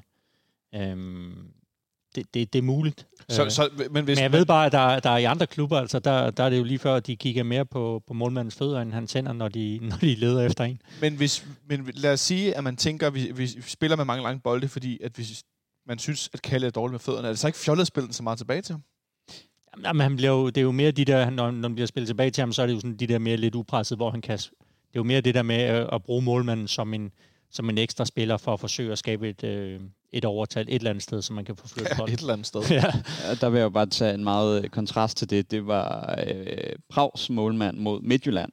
Øh, hvordan at man kunne se, at bare det med at have en målmand, der faktisk kan spille, hvor meget øh, det kan give til ens eget spil. Det med, at, øh, at hvis man ikke kan spille den ud til ens to midterforsvar, så har man god nok tekniske færdigheder til så måske at slå den 30 meter over på en bak, der er, der er søgt ud i rummet. Øh, det tænker jeg ikke, Kalle har niveauet til, og så bliver det jo nemlig det der, øh, måske står meget tydeligt, den sidste bold, han smækker afsted, som er en lang bold til Pep Biel, hvor Ståle også råber, øh, hvad fanden laver du, ikke? Altså, det er jo helt... Hvad kan vi lige nu, Gisle? Hvad tænker du på? Ja, med, hvad, hvad, kan vi? Hvad, altså, hvad, hvad kan vi rent faktisk? Altså, hvad er, vi, hvad er FC København rent faktisk gode til lige nu? Hvis vi ser på kampen i denne sæson, nu, nu var jeg også oppe i Göteborg, den, den, den synes jeg egentlig var, det var, det var, det var en svær bane, og et, og et hold, der absolut ikke vil noget. Der, der synes jeg egentlig, man slap meget godt fra det. Øh, og den der pjas, det var, også en, det var en mærkelig kamp, men, men man vinder øh, komfortabelt. Hvordan vi vinder den 3 det er der jo ikke nogen, der ved jo. Nej, nej, det er rigtigt. Det, men, Det var for bizart. det, var, det var en bizarre, men jamen, så kan du sige, hvad FCK kan. De kan spille bizarre fodboldkamp. Ja, det fik jeg lagt i munden på dig. Ja. det, dem har der været nogle stykker af allerede. Det må man sige, så det, så det er måske virkelig det, vi er gode til lige nu, det er at være øh, 50 procent af fodboldkamp, der øh, udvikler sig helt mærkværdigt. Jonas? Nå, men jeg vil bare føl- følge op på det med målmanden. Altså, det er også fordi vores tre af vores forsvarsspillere er ikke særlig dygtige med bolden, og to af vores midtbanespillere er heller ikke sådan de allerbedste boldspillere, så selv hvis du fik den videre for, for Kalle, så, så er der også et, et stort meget, der kan presses mm. derud i, nu skidt, så det ender med de her lange bolde, hvor vi så ikke længere har Darmendøj til at tage dem ned. Det virker også, i øvrigt også lidt som om, at i og med, at man rykker Jonas Vind lidt længere tilbage, så spiller man også hen over hovedet på ham. Han var faktisk okay til det øh, i foråret, men nu rører han bare ned til forsvaret igen. Det bliver i hvert fald sjovt at prøve at lægge mærke til øh, på søndag. Ja. Nordsjælland og FCK, om man kan se det så tydeligt i stilen. For jeg ved, der er en, øh, nu skal vi ikke snakke Midtjylland, men, men deres målmand, da han var i Nordsjælland, der brugte han rigtig, rigtig meget tid på det der med at, at blive god med fødderne, så han kunne slå de der præcise bolde op til, til en, ja, en kantspiller, der stod om, omkring midten ude siden og, og ramme ham. Det kunne vi i hvert fald godt bruge. Um, så vi ender med, kunne hjælpe med at tabe den her kamp og ryge ud af Europa. Uh, man kan sige, at det var på sin vis... Uh, jeg ved ikke, om det var meget godt, der ikke var nogen tilskuere i går, men jeg tænker, at vi godt kunne have registreret en måske historisk øh, pibekoncert, hvis det var sådan, der havde været tilskuere herinde. Om det så havde været 500, eller om det havde været 6-7.000, eller om det havde været bare åbent før corona, så tænker jeg, at det kunne godt være gået over historien som den største pibekoncert. Øh, nu har jeg ikke set højdepunkterne fra da kampen mod Gorizia, den slutter. Jeg var her, kan jeg huske. Men der brugte vi meget kampen på at synge, vi spiller skide godt, og øh, sådan nogle ting, og øh, juble helt øh, ironisk, hver gang vi havde et angreb, øh, og klappe, når bolden ikke gik til indkast og sådan noget, øh, fordi det var så dårligt. Så der ret tidligt i kampen kunne man godt se, okay, det her det er helt fucked men det her i går er jo en, en anderledes situation, vil, vil, jeg, vil jeg våge at påstå. Øh, øh, så, så, så vi ender med at, at tabe 1-0 til, til det her hold fra Kroatien, og er nu ude af Europa. Vi ligger sidst i Superligaen med... Øh, eller ligger vi næst sidst, eller hvordan Jeg er tror det? Horsens. øh, Horsens er 0 point. Ja, tak, tak vi, til, vi. Ja. tak til, til Jonas Dahl og Horsens for det. Horsens, som jeg for øvrigt har som klar øh, nedrykker, sådan en af de to. Øh, hvis ikke Jonas Dahl bliver fyret inden. Øh, det var et lille tidsspring. Altså, er vi... Jo, Samuel, er du frisk på at kåre man of the match for i går? Øhm, nej, øh, det er Jamen, jeg så, så, så, så spørger jeg bare om Jonas er. Nu må være overlæggeren til Peter Wangesen. Overlæggeren med dagens assist til Peter Ankersen. Hvad med dig, Gisle? Kan du kåre en FC København spiller man of the match i går? Nej, der var jo ikke nogen, der nåede over det acceptable. Øh, så var der nogen, der måske nåede i nærheden af det acceptable, og så var der nogen, der, der dykkede væsentligt under. Men, men, men det, det vil være absurd at, at pege på, på en man of the match, når, når der ikke var nogen, der, der rigtig gjorde det godt. Selvom jeg synes egentlig, man kan sige, hvis man en lille positiv ting, det, jeg synes egentlig ikke, at der mangler viljen.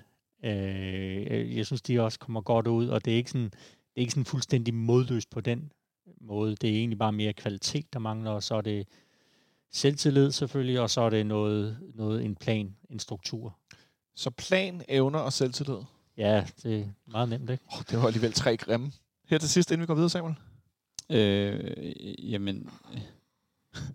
Nej, ved du hvad, jeg skulle til at sige noget positivt, men så gik det, lidt, øh, så gik det op for mig, at, at, at jeg skulle til at sige, at, at Kalle, spiller, øh, Kalle Jonsson spiller en okay kamp, men det gør han jo alligevel ikke, fordi han, han tager ikke den, som han måske skulle tage, og så tager han en, hvor han faktisk får reddet den, men alligevel så kommer jeg jo så i tanke om, hvor meget han hæmmer vores spil med, med dårlig udspark, øh, og, og, og det er egentlig også bare vildt, at han, han, han laver ikke nogen deciderede fejl, som måske man kan pege andre ud, og alligevel så føler man stadigvæk, at, at han gør ting i kampen, som er, er under øh, det fodboldfaglige niveau, han burde have. På en aften, hvor alt er så sløjt, så øh, er det svært at pege på noget positivt til for en, der ikke gør nogen fejl. Det kan jeg godt følge dig i. Så øh, en, øh, en katastrofal udgang på vores Europa League-kampagne, der blev ekstremt kort den her omgang, og vi er for anden gang i det der 10 uden... Øh, ah, nu det her 10, vi starter. Men de sidste 10 år er vi for anden gang øh, uden deltagelse Men det er også det, altså, Europa hvis- League-gruppespillet. Hvis man ser sådan med, med, med det, altså med de lange lygter og se, okay, 13 på 15 år er det vel så, man ender ud i med de her europæiske gruppespillere. Det er jo, det er jo, det er jo rigtig, rigtig godt. Og der har også været nogle år, hvor det har været med det yderste af neglene, og hvor det måske ikke helt var, var fortjent, eller hvad kan man sige, øh, at man nåede gruppespillet, og nu, nu var det så nogle øh, marginaler, der var, der var lidt imod, men som jeg husker, det har de også været med nogle år. Altså, der var der et par kampe mod, mod Atalanta, hvor man ikke var helt uheldig. Det skal vi nu snakke om. Nu tog du lidt forskud på, øh, på glæderne, Gisle. Jeg skrev til jer tidligere og bad jer om at grave dybt i, i hvert fald for nogens vedkommende, øh, hvad skal vi kalde det, skatkammeret af elendige europæiske præstationer, fordi det her i går var rigtig, rigtig, rigtig, rigtig dårligt, men øh, hvorhen placerer det sig i, på sådan en historisk øh, øh, skala for FC København? Øh, Nu ser du Gisle helt Ja, ja, ja. funderende ud herovre på min højre side. Øh, jeg ved ikke, om hvem der vil lægge ud med, med en, øh, en fra, fra huske, huskekassen til også at minde os om, hvor dårligt det kan være, men også måske sat i perspektiv, hvor, hvor godt det også er meget af tiden. Ja, altså jeg, jeg, jeg, vil- jeg vælger jo at tage Teten som den yngste.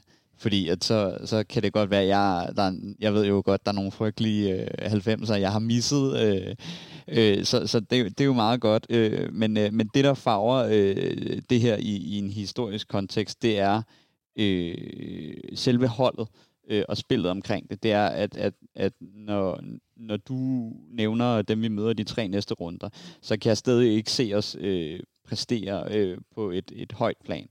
Øh, hvor at øh, da vi rører ud til Jablonets, der vinder vi jo også ligaen det år. Øh, og der var stadigvæk perspektiver, og der, der får man da også et, øh, et rødt kort mod sig på hjemmebane, så vidt jeg husker. Jeg tror, at det Verbic, der får den for at svine dommeren. Øh, Han siger fuck you til dig. han siger, fuck you. øh, men der var, fuck off, fuck men you. der var ligesom, altså, der var tegn til noget, og der kan man ligesom sige, det var one-off, øh, en uheldig kamp. Øh, det sker. Øh, man vinder jo 1-0 ude. Ikke?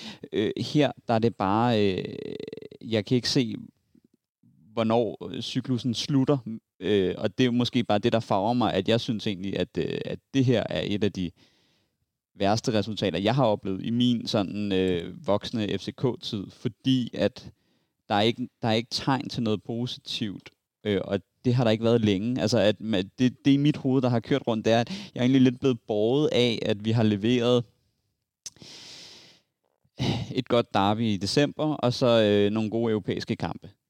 Øh, og så har vi haft øh, en halvleg i Lyngby og en halvleg mod OB, men, men, men størstedelen af tiden har det jo ikke været godt. Og når jeg så ser på det, hvordan vi rører ud nu, så, så, så er det, sådan, det er ligesom kulminationen på det hele, at, øh, at, at det, øh, der er taget dårlige beslutninger længe, transfermæssigt, øh, spillermæssigt øh, og, øh, og opstilling. Nu cykler du for langt væk. Ja. Jeg beder dig om at komme, komme med det, øh, noget perspektiv i forhold til øh, noget andet, der var dårligt i Europa. Øh, Er det Jablonets, du har? Det Du er dårligere end det, vil ja, jeg sige. Det er dårligere end det. Ja, og men- så, så er vi jo tilbage øh, før min øh, husketid, hvis man kan sige det. Ja, men det er jo fair nok. Hvad siger du, Jonas? Jamen, jeg... øh, Altså, 05'eren, du nævnte tidligere i, i programmet, det, det er også sådan lige min tidlige øh, FCK-hukommelse. Øh, men jeg kan, kan dog huske den, men jeg er også enig i, at det, det er lidt svært at skille den her ad fra, fra sådan nogle enkeltstående begivenheder, fordi det her det er en periode, eller sådan der på en eller anden måde, det her det er kulminationen på en længere periode af negativitet. Det er ikke, altså hvis vi prøver at opliste lidt, der har været APL, hvor vi blev overfaldet nede på Kyberen. Der har været, øh, der har været nogle gruppespilskampe 0-4 mod Aberdeen. Der, er- der er noget, vi bliver kørt ud af banen på, mod Klub Brygge herinde. Der er noget Torino herinde også, hvis Ja, jeg ikke ja. Torino, HJK, Ja. Helsinki. Ja. Ja. Oh, oh, oh. Sådan nogle af dem. Øh, og ellers så... Ja, Hvis vi skal længere tilbage. Jeg kan Ja. godt nogen langt tilbage. Jeg skulle til sige, så kommer jamen, vi jo langt så tilbage du til... har Gorica i virkeligheden som din sådan... Ja, fordi ja, jeg, jeg holder mig også til den her periode, hvor vi, vi er i den periode, hvor vi forventer, at vi går i Europa. Fordi ellers så er noget af det, jeg tænker tilbage til, og det er også noget, sådan noget Rangers og sådan noget starten eller noget. Ellers så, Men de er jo også gode. vi 90'erne. spiller mod Rangers i, i, Champions League-kvalifikationer. Det er jo et skotsk mesterhold, og det er jo ikke fordi, man sidder og tænker, ah, dem skal vi køre ud af parken. Men, men, men ja, det er selvfølgelig også nedtur. Jeg kan huske, at Vardo scorede sin debutkamp. Det var okay. der var også, øh, jeg, jeg tænker faktisk på, øh, på, på Lille, vi skulle have slået ud øh, under, jeg tror det var under Ariel Jacobs måske. Ja. Øh, eller er det det? Tulio de Melo. Eller, Ja, efter, efter efteråret 13. Ja, præcis. Øh, altså, Santin brænder en kæmpe chance dernede. Eller sådan. Der, der, det var også den, der, hvor det var sådan en skuffelse over, der burde vi have kommet i Champions League. Der. Ja. Men det er de gode år, det er de fede år, det er Det, nullerne, det, det, er men, men der var også noget med Kralove, var der ikke det? Du er sindssygt, mand. 05? Ja, Eller var det ikke, var det ikke 5-0, man Der var noget med, øh, hvordan var det, hvis de gik videre, så fik de, fik de en bil eller sådan noget. Der var sådan en eller anden, jeg kan huske sådan et billede med nogle Jeg, jeg, jeg, kan, jeg kan huske, en, øh, en ung øh, Nikolaj Wahl blev kørt fuldstændig rundt i en kamp øh, nede i USA. Ja. Det Øh, var, men, men det var jo heller ikke på et tidspunkt, hvor man havde forventninger til FCK, og det var jo også, hvor man mødte bedre hold. USA var gode dengang. Men det er jo i virkeligheden det, Gisle, der, der for mig er kernen, også når, når, når de to her på den anden side af bordet taler om, at min referenceramme er ikke så stor og så videre. Øh, jeg tænker, med, med den reference, referenceramme, du har, Jo, men jeg synes jo hvor, ikke, hvor, voldsomt synes du så, det bliver? jamen, jeg synes slet ikke, at vi kan tale sådan Gorica, for, fordi der var det jo sådan et decideret kollaps. Synes du ikke, det var det i går? Nej, det synes jeg ikke. Ikke på samme måde, fordi altså Gorica havde, jeg, så vidt jeg husker, han havde vundet 2-1. Man vinder 2-1 i. Slovenien, ja. Ja, ja, og, og siger, okay, nu skal vi denne her bare køres hjem. Øh, det er vi jo ikke i, i går, der er sådan, da jeg går ind til den kamp, der tænker jeg, okay, hvad er det? Det, det er 60-40 til FCK. Altså, der er alligevel en, en risiko, der, der, der ligger på om, vel omkring de 40 procent. Øhm, jeg tror også mere, at man- er farvet af, at det så er, bliver så dårligt. Fordi havde du, havde du tabt 2-1 i, i en lidt mere sådan en god fodboldkamp, vil jeg sige, og ikke på et mål, som, som vi, har, vi har talt om allerede, så, så, så havde du også set på det anderledes. Det er jo ikke sådan, det er jo ikke katastrofalt at tabe til, til Rijeka, og det bliver jo også lidt mere tilfældigt, når det kun er over en kamp og alle de her ting. Det er jo mere måden, at det sker på, at man, man, man spiller så dårligt, og det kommer ovenpå et 2020 i Superligaen, der har, der har været så elendigt. Nu fik du lige nævnt målet igen, så bliver jeg nødt til at spørge dig, når vi taler om det historiske perspektiv. Mm. Hvor højt op rangerer det over underlige ting, du har oplevet til en fodboldkamp? Altså, det er højt. Det, det, er, det er, altså sådan, selv da jeg så sad og så det igen, men man kan jo ikke, jo, det kan man godt som FCK-fan sikkert, men, men når man ser, du kan ikke lige lade være med at grine og sige, også, hvad fanden var det for noget? Altså, folk der, selv folk, der ikke, som du også sagde, folk, der ikke øh, interesserer sig for fodbold, griner fordi man godt kan se det komiske i det. Altså, jeg ved ikke, jo, jeg mindes en gang et eller andet med Andreas Bjelland, han tog bolden op i hænderne her. Ja, fordi han troede, der var straffe. Nej, jeg tror, Ja. det var fløjtet. Ja, fløjte. Og så var der frispark til Nordsjælland, så samlede han bolden op i feltet, så blev der bare strafspark. Ja, altså, det er jo, det er jo, det er jo, det er jo derude, du er.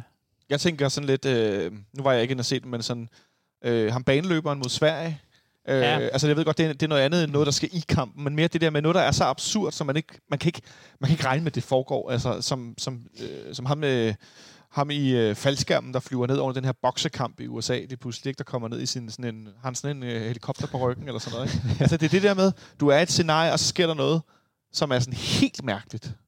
Ja. Er en mod fem, og det er jo ikke fordi, man tænker, ah, det er Maradona fra Kroatien, han dribler lige alle sammen. Altså, da, nu var det selvfølgelig ikke sjovt for Jesper Christiansen, men, men da han bliver tabt herinde med, mod, mod Brøndby, det var det også et... Altså, man skal jo ikke grine af folk, der har ondt, men, men det, det så meget, meget komisk ud. Det så da komisk ud. Vi husker det jo bedst for Mike Jensen, der skulle råbe ham bagefter, mens han lå ned. Ja. Øhm, det kan være, det bliver lidt farvet. Det, Altså, den, ikke øh, det jeg, jeg gå- glemmer ikke hende, øh, hende, den ene samarit der. Jeg, jeg tror ikke, hun fik genvalg. Hun er nok ikke frivillig længere herinde i hvert fald, kan man tro. Øhm, men, men, men vi får lidt nævnt det der med, at det, det, det er fordi, det er så dårligt. Ja, det er virkelig det, det handler om. Altså, fordi det er så ringe. Det er ikke... Øh, hvis nu vi spiller mod modstandere, som... Jeg har ofte den der Samuel. Hvis vi spiller mod nogen, som er rigtig gode, og de kører os lidt ud af brættet, eller de, altså, de, som, Jo, som, det- som Sankt Etienne her, Det er rigtigt, men, men jeg tror, Kroatien, hvad, de, hvad, de ligger en, en 2, 3, 4 pladser længere nede på ranglisten ja. end, end Danmark, og det var deres, nu ved jeg godt, de blev nummer 3 sidste sæson, men vel det næstbedste hold i Kroatien inden for de seneste Ja, det er det. 5-7 Ja. år. Så, så det er sådan, hvis vi siger, det er, det er det pejlemærket, så sige, ja, det, det er et hold, som man i går sådan bør slå på hjemmebane i Europa, men man er også godt klar over, at, at, at møder FCK Rijeka 10 gange, så vinder de jo ikke 10 gange. Altså, det, det, det tror jeg ikke. Tror du heller ikke, øh, at vi vil gøre det med, hvad skal man sige, lidt mere normal øh, tilstand, end vi har lige det nu? kan være, men, men, men hvis man også så i, skal spille i Rijeka, altså over to kampe, og nu det her Rijeka har til syden heller ikke deres øh, gyldne overgang, de har lige nu. Men, men Men det virker ikke som om, det betyder noget, sådan, så vi spiller lige nu, om nogen har et godt hold eller ej. Det virker jo som om, at den største fjende i virkeligheden er os selv. Det er vores eget hold. Det er de, de indre dæmoner. Det er frygten for at, blive ta- for at tabe, der er blevet større end mod til at vinde. mm. Øhm, så, så hvad gør vi nu? Nu står vi med en sæson, hvor vi har et point efter tre kampe. Vi ligger næst sidst foran Horsens, der har 0. Øhm, Ståle, han siger i går efter kampen, han bliver spurgt af Kasper Marker, hvordan så med indkøb? Øh, Ståle har åbent sagt, vi vil have en højre midt. Der har været historier om andre positioner. Øhm, det får han sagt, det, det bliver, vi havde noget øh, sådan, det lød som om, der lå noget, der bare skulle gøres færdigt. Det får han nærmest sagt, om det bliver ikke til noget. Øh, hvad med andre spillere? Nej, der, der er ret meget lukket. Øh, så vi står med den trup, vi har nu, medmindre man gør et eller andet sindssygt, inden transfervinduet lukker på mandag. Og vi har et point, og de ligner nogen, der ikke tør spille fodbold. Ja, Hvor øh, nedtryk bliver du nu? Øh, meget, meget, meget nedtrykt. Øhm, jeg så også på Twitter, øh, jeg tror det var, øh, hvad var det, Børsens chefredaktør, eller sådan noget, der skrev et tweet omkring øh, sådan krisehåndtering øh, på sådan internt ud fra, fra Ståles interview. Og jeg tror, at, at det, det er der, øh, slaget må slås. Fordi at øh, økonomisk set, øh, med, øh, med en kvart milliard underskud, øh, corona, som man ikke ved, hvor øh, bærer hund, øh, Øh, så øh, skal den her virksomhed, den skal drives, og der er aktionærer, øh, så man kan ikke handle ind. Altså det kommer ikke til at ske. Øh, kommer der en ind, så er det fordi, der kommer en ud, og så er det fordi, man får dem på en fri transfer, eller med en billig sign-on. Øh, så der skal krisehåndtering internt, og der tror jeg virkelig, at øh, Ståle, som han også plejer i pressen, når man godt ved, at FCK har spillet meget lidt, så siger han, øh, "Jamen, det var faktisk okay, der var, der, var, der var gode tendenser eller sådan noget. Øh, øh, og vi alle andre kan godt se, at det sejler fuldstændig rundt. Og der tror jeg også virkelig, at han er nået til det punkt nu, at øh, der er nogle spillere, øh, som han også nævner, nogle bærende spillere, som ikke tager nok ansvar øh, ud fra øh, deres pris og deres erfaring. Øh, som, som, altså jeg tror, vi er der, hvor at, øh, at han er ved at sige, øh, altså det er sidste chance, ellers så ryger du altså ud på bænken, og så kan jeg godt arbejde med, at vi måske spiller lidt dårligere, ved at få nogen ind, der vil. Og det er, altså, Bjelland er Bjelland, og det er jo kun, han er jo kritisk, fordi at han er rigtig meget skadet, men han, han præsterer egentlig fint, når han spiller.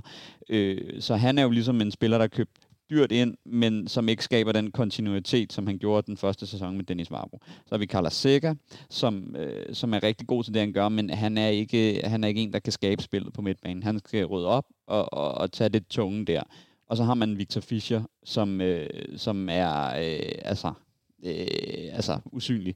Øh, og der tror jeg, at øh, altså Bjelland kan man ikke gøre så meget med skader, men jeg tror Fischer og Seca, øh, de, øh, jeg vil ikke blive overrasket over, hvis, altså Fischer, det er jo på grund af, at han er kommet tilbage fra skaden, jeg vil ikke være overrasket over, at øh, Sækker kunne ryge på, på bænken øh, en af de kommende kampe, fordi at øh, han er anfører på holdet, og han har et bærende ansvar, og jeg synes ikke, jeg ser så meget øh, leder i modgang i ham, øh, som jeg vil håbe på.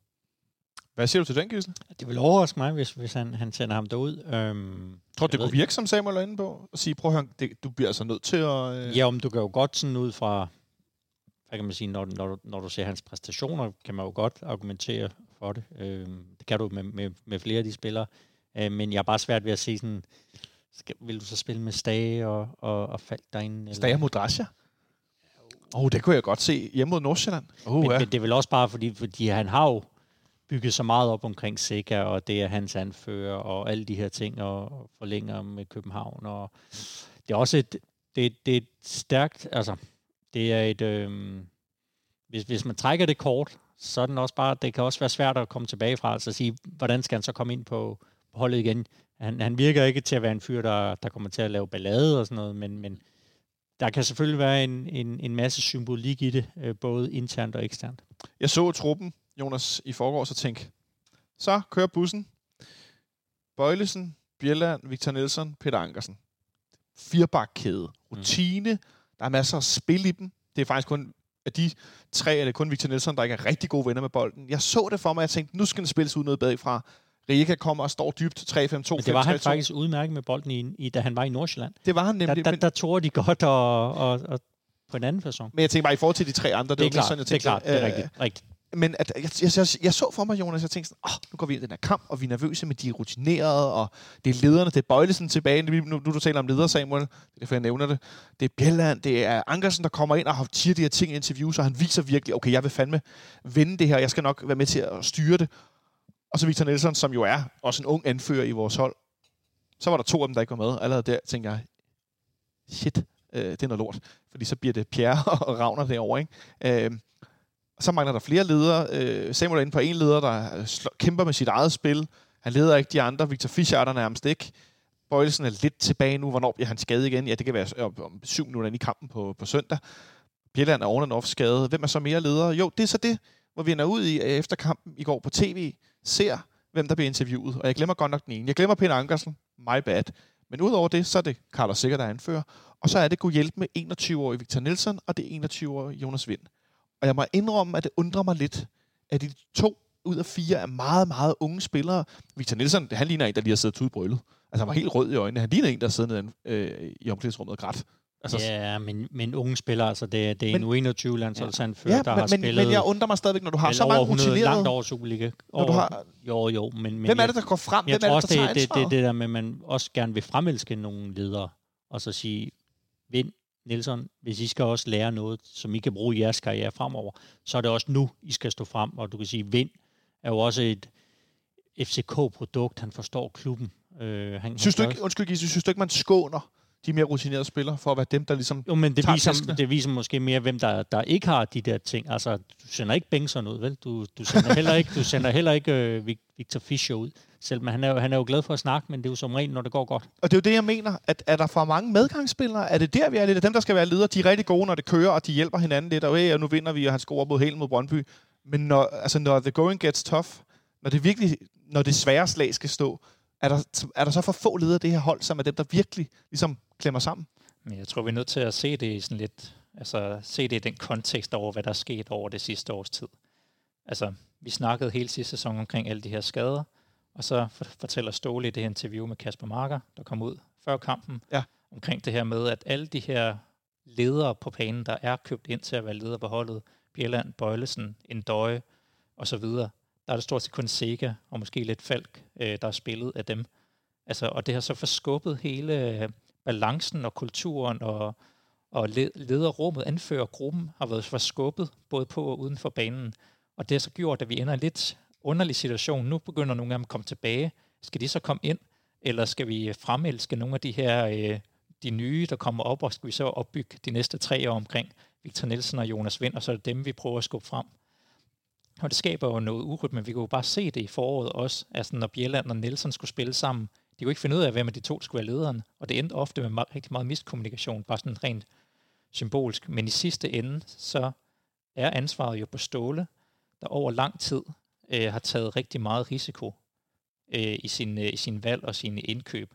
Det fortæller han jo i foråret det her med, i et, et sådan lidt desperat forsøg på at følge med Østrig og Belgien og øh, Schweiz og alle de her klubber, der er i de her lande, der får flere og flere penge mellem hænderne, så siger han, vi er nødt til at tage større og større risiko, vi er nødt til at købe de talenterne tidligere, vi er nødt til at satse på spillere, der har været skadet tidligere, for, fordi det er det eneste, der er tilgængeligt for os. Så rigtig meget risiko over tid har kunne virke, men på, på et eller andet tidspunkt, så, øh, så ender du med at tabe hele puljen ved, ved blackjack øh, ikke? Og så står vi i sådan en situation her. Ja, det, det er sjovt, du siger det med blackjack. Det fik mig til at tænke på ludomani, at du satser, du satser, du vinder, vinder, og du taber, så går du simpelthen ned med hele skibet og mand og mus og alting. Ja, og Du det, markerer, Samuel. ja, og det er jo egentlig også bare fordi, at, at når der så skal tages risiko, så bliver risikoen jo taget på ting, øh, hvor at man godt ved, at, at, at det måske ikke kan lykkes på forhånd. Fordi man så begynder at købe spillere, som ikke passer øh, en til en i en øh, 4-4-2, som har været øh, det, det primære. Øh, og så er man jo ligesom så nået til, til et tidspunkt nu, hvor altså, øh, den 4-4-2, vi har spillet, har jo ikke altid været 4-4-2. Det har jo været, at øh, når vi forsvarer, så forsvarer vi måske en 4-4-2. Når vi angriber, så kan det være en helt anden opstilling. Men det bør, gør jo lige pludselig nu, at man begynder at tilpasse øh, opstillingen ud fra spillere, for ligesom måske at se, hvordan øh, kan det egentlig så fungere, fordi man har taget de risiko, fordi at Pep Biel bliver aldrig en en, en kant i en 4-4-2. Modrasja bliver nok heller aldrig en central midtbane i en flad 4-4-2, fordi han ikke har fysikken til at bryde ind, og han har ikke falds høje niveau. Øh, øh, kan, kan Vind fungere øh, i en 4-4-2, eller vil man gerne måske have ham ned, hvor han kan være mere teknisk velfunderet og vende og have, være retvendt mod mål? Altså, man laver lappeløsninger på baggrund af, at man ikke har et hold, som, som passer ind i det øh, taktiske udspil, Ståle gerne vil have. Og det er jo derfor, man så øh, når til det ting, hvor man begynder at losse øh, lange bolde, eller øh, da vi så tidligere på foråret, hvor man øh, lavede rigtig mange indlæg, og så havde man, øh, og så havde man øh, Santos og, øh, og Darami på top. Ikke? Altså, hvor at, at så, så, så øh, du har, øh, du har ikke spillerne, der passer til truppen, og det er måske det, øh, og til taktikken, som så gør, at det hele bliver noget miskmask med nogle skader og ja, øh, Og det hele er lidt et, et forsøg på at følge med. Jeg har funderet meget over den sidste uges tid, Jonas, om, om vi er nået til et punkt nu, hvor vores økonomiske øh, ramme, vores rådrum, sådan rent sportsligt, øh, budgettet øh, Ståle og de andre sidder med, om det er for småt til at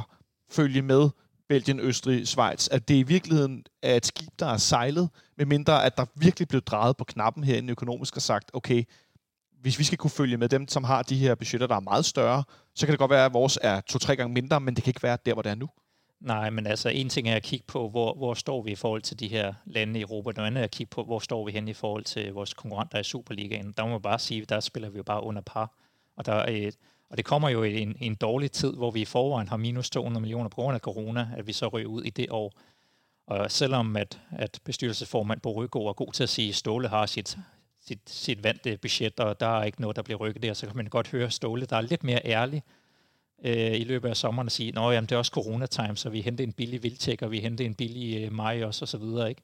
Altså det, der kan man godt se, der er, det, det strammer lidt ind på budgettet, men i forhold til det risiko, så, så hører du jo konstant Ståle snakke omkring det her kalkulerede risiko.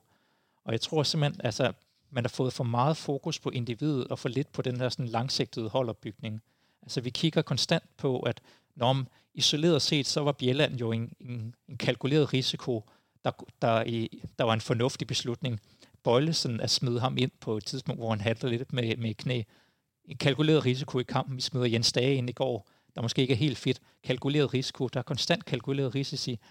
Og, og det er det samme, som jeg snakker om tidligere med de her projekter. Man kigger rigtig meget på, at isoleret set, så vil den her spiller være en, vi godt kunne udvikle og kunne passe godt. Men sådan den der sådan, sammensætning af holdet, og vi så står med et, et hold, der består rigtig meget af kalkuleret risici, når man ganger det op med hinanden, bare ned på odds, øh, spillesedlen, så ved du, at på, det, det ganger også bare risikoen for, at, at det går galt.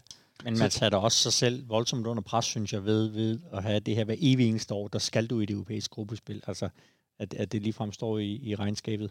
For jeg tror, at det der med at spille op med de andre, øh, det, det kan man nok ikke gøre hvert år, og det er måske den øh, erkendelse, man skal nå frem til at sige, okay, vi har, vi har færre penge end dem. Øhm, der er enkelte år, sæsoner, hvor vi kan være med, og så vil der være nogle år, hvor vi ikke kan. Fordi altså, al empiri peger jo på, at dem, der har flest penge til, til lønninger, de, de vinder også titlerne. Er det, er det 85 procent sammenhæng der, eller noget i den stil? Øhm, og så er det jo det her med, at sige, at vi køber ind til Europa og alt det her, men man, man skal jo også først og fremmest købe ind til at, til at vinde. Vi skal helst vinde nogle flere fodboldkampe. Det skal man uh, købe ind til. Det lyder ikke som om, der øh, bliver givet nogle penge til at købe ind for. Vi snakker lidt om, måske hente en eller anden transferfri, forstærke lidt, men der er jo, udover Darami, som du fornævnt, Samuel, som har lidt fart i fødderne, så er der jo ikke noget, der minder om dynamik i vores midtbane eller angrebskæde. Peter Ankersen har lidt. Pierre Bengtsson har simpelthen spillet i dybden, men det er bare løb hurtigt. Øh, Nikolaj Bøjlesen er rigtig god med bolden, men han løber heller ikke nogen steder. Carlo Bartolets har lidt også, men det er heller ikke, fordi han er nogen raket på den her højre bak. Øh, vi er et meget, meget langsomt fodboldhold lige nu. Victor Fischer er ikke hurtig længere. Det har han været. Det kan jeg huske, da han kom til, til København, der tænker okay, der er knald på. Pep Biel bliver aldrig hurtig. Øh, Jonas Vind er ikke hurtig. Øh, Kamil Vilcek er ikke hurtig. Carlos Sikker er hurtig uden bolden, løvende mod eget mål. Øh, Jens Dage er heller aldrig rigtig hurtig. Modrasja er lidt hurtig over kort afstand. Så i virkeligheden har vi et ekstremt langsomt fodboldhold. Det er jo skidt i dag i en tid, hvor et fodbold er et enormt dynamisk spil, der handler rigtig meget om, at man kan løbe. Måske for nogle hold i højere grad, end at man kan spille. Øh, men hvor efterlader det os hen i forhold til de andre Superliga-hold, Gisle? At vi har et hold, som gerne vil spille, spille, spille, men vi er ikke så hurtige. Og det, vi har set det lidt, men er det også et, et tegn på, at holdet er, altså ikke kan udnytte de kompetencer, vi har lige nu? Det ser endnu værre ud, eller tror du, det kommer det til at blive et billede? Det er umuligt ikke at, at kigge mod Midtjylland, altså med, med, med deres succes, og se, okay, hvordan er det, det hold ser ud? Og, og der du brugte du selv ordet dynamisk, og det er i hvert fald noget, jeg tænker på, når jeg ser især Onyeka og Kajuste derinde. Altså, det er jo det er jo sådan prototypen på, på moderne fodboldspillere til, til deres positioner foran, så der har de jo også, de har, de har Drejer, de har Mabil, øh, Sisto. Altså, de har jo så mange spillere i verden. Dynamik. Jamen, de har jo, Tempo. Jo, jo, men de har, de har jo så meget. Altså, hvis, hvis, man, man tænker jo, det kunne blive rigtig, rigtig, rigtig godt, hvis de også fik en, en rigtig god angriber. Det må du helst ikke sige, fordi der går... Jeg skulle sige, at du sidder og smiler skælms. Øh, det, det forlyder jo, at de, at de arbejder på at hente en, en, en rigtig angriber, får jeg lyst til at sige, fordi at de har været bedre end os på transfermarkedet, Samuel. Men der, hvor de ikke rigtig ramt den, selvom han scorede den anden dag, det er på deres øh, angrebsposition. Ja, men, øh, men det der jo ligesom også er med det der, når vi, når vi sammenligner os med Midtjylland, som er jo den klassiske ting gør, fordi det er, at de to klubber, som har været de stærke Superliga, så er det jo også bare, at klubberne ved jo, hvad spillere vi har, og Midtjylland har. Og, og en ting, de i hvert fald kan sige til hver deres øh, taktikmøder, det er, øh, hos FCK, der er ikke nogen, der tror dybt. Øh, og hvis der er nogen, der tager løbet i dybden, så er det ikke nogen, der er så hurtige, at øh, det er en, en, en, en kæmpe risiko. Så de ved jo godt, at så har vi allerede den lukket af, fordi at, altså, vi har jo ikke nogen hurtige spillere. Men det er det så problem, vi også kommer i nu med Midtjylland, som så performer godt, og vi gør dårligt. Og corona. Det, der også er problemet, det er jo, at de penge, Midtjylland får for at komme så langt, de bliver allokeret direkte ned i Midtjylland, i akademiet, i spillertrup, i, øh, i medarbejdere, fordi at de har en ejer, og de er jo ikke en børsnoteret virksomhed. Det vil sige, han kan jo godt se ideen med, at øh, ligesom man siger med penge, renters rente, hvad, hvad output de kan få for de øh, op til ja, 300 millioner, hvis de også lige vinder nogle kampe for. Hvor problemet for os, nu sad jeg jo lige og kiggede, at de gange, hvor vi har performet godt i europæisk fodbold, der øh, er Parken Sport Entertainments øh, overskud ikke været det, som FCK lavede på fodboldforretning. Fordi at eksempel, da vi kom i CL og, øh, og røg ud til Ajax i, i hvad hedder det, Europa League, der udbetalte vi 84 millioner i udbytte til aktionærer, fordi at øh, vi er en børsnoteret virksomhed. Er det Midtjylland nu, så rører de direkte ind i klubben til spillersalg, til at udvikle, til at fortsætte, og det er det lidt, der er vores problem nu, det er, at, at de penge, de får der direkte til at udvikle, øh, det er ikke sådan, det har været her. Så nogle af millionerne, 100 millioner, blev dø, øh, brugt på at nedskrive goodwill i Fitness World, eller i Fitness.dk. Ikke? Altså, det er bare sådan, øh, de penge, de får, er virkelig noget, hvor at der er nogen i den, det, det sportslige, øh, som virkelig skal til at kigge ind og sige, øh, vi står altså i en konkurrencesituation, hvor at, øh, at man ikke er det er ikke unipolaritet mere og mere. Altså, der er virkelig nogen, der kommer, og de kommer stærkt. Og, og, altså, i gamle dage var det jo sådan, at eller bare for 15 år siden, så var det jo sådan, at det var, øh, det var en dårlig idé, det her med at investere ekstra i truppen, bare fordi du kom med i Champions League en enkelt gang. Der ville du jo ikke købe den dyre angriber eller Pione Sisto og skrue op på den måde, fordi hvad så næste år, når du ikke er med? Det var helt grund til, at vi købte LaLandia og sådan nogle ting, for vi havde en stabil forretning på trods af de sportslige resultater. Men i dag der er finansmarkedet sådan, at det, at du kan investere i en, en god angriber, der kan sælges videre med mere profit længere ned, det, det, det fordobler bare den her øh, pengestrøm, og det gør netop, at man kan få andres rente på sine penge og så videre. Og du kan se ude i, ude i Brøndby, der kæmper de jo med at have nok budget til at kunne investere i nogle gode spillere, de så kan sælge videre. Så der, der løber de langsommere i den der øh, kæde der. Så jeg er bestemt også bekymret i forhold til den her positionskamp, der er i forhold til, at vi har minus på 250 i det her år, og, og Midtland investerer bare i der stadion og akademi og, og spillere, der kan, der kan blive endnu bedre. Øhm, men vi skal jo stadigvæk huske på, at vi er trods alt stadigvæk de førende økonomisk. Så teoretisk set, så burde vi bare skulle spille op til par, for at kunne være foran FC Midtland. Teoretisk set. Men det kræver bare, at vi gør de rigtige ting igen og igen og igen, og lade være med at tage det her risiko. Øh, fordi Midtland har gjort det rigtig, rigtig, rigtig over lang tid, og så ender man ender det med at få den her sådan kumulative effekt. Og så er det jo også corona. Altså, man, det rammer jo væsentligt hårdere mm. i FC København, end, end det gør i, i Midtjylland.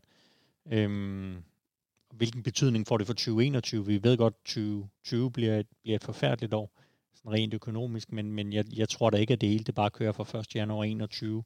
Og, og, og hvad gør det ved, hvad kan man sige, fodboldforretningen? Fordi du kan sige, at de millioner fra LaLandia har jo været hvad, hvad er det givet? 90 millioner om året måske. Altså, det, er jo, det har været rigtig, rigtig gode penge øh, ja. til koncernen. Altså, LaLandia har levet, jeg tror, isoleret overskud på plus 50 millioner i 12 år i mm. træk, ikke? Mm. og der kommer nye, men altså, nu er der jo corona, og det er bare, øh, altså, det er, det er en svær situation, også fordi hvis vi lige, altså økonomi og penge, vi har jo heller ikke øh, øh, en, øh, en, en nyere tilgang til at lave aktieemissioner i parken, eller at vi har øh, øh, hovedaktionærer, som smider store millionbeløb i parken. Altså det kan godt være, at Lars Seier snakker om, at kommer der en ekstra spiller, men det er jo ikke, det er jo ikke noget, øh, der kommer ikke noget, altså tror jeg, noget øh, kæmpestort ind for dem, og det er jo bare det, der ligesom er problemet, at, øh, at, øh, at hvis parken skal gøre det godt igen og have styr på fod på økonomien, så bliver man nødt til at begrænse sig i nogle situationer. Om det så bliver medarbejdere, om det bliver deres e-sportafdeling, om det bliver,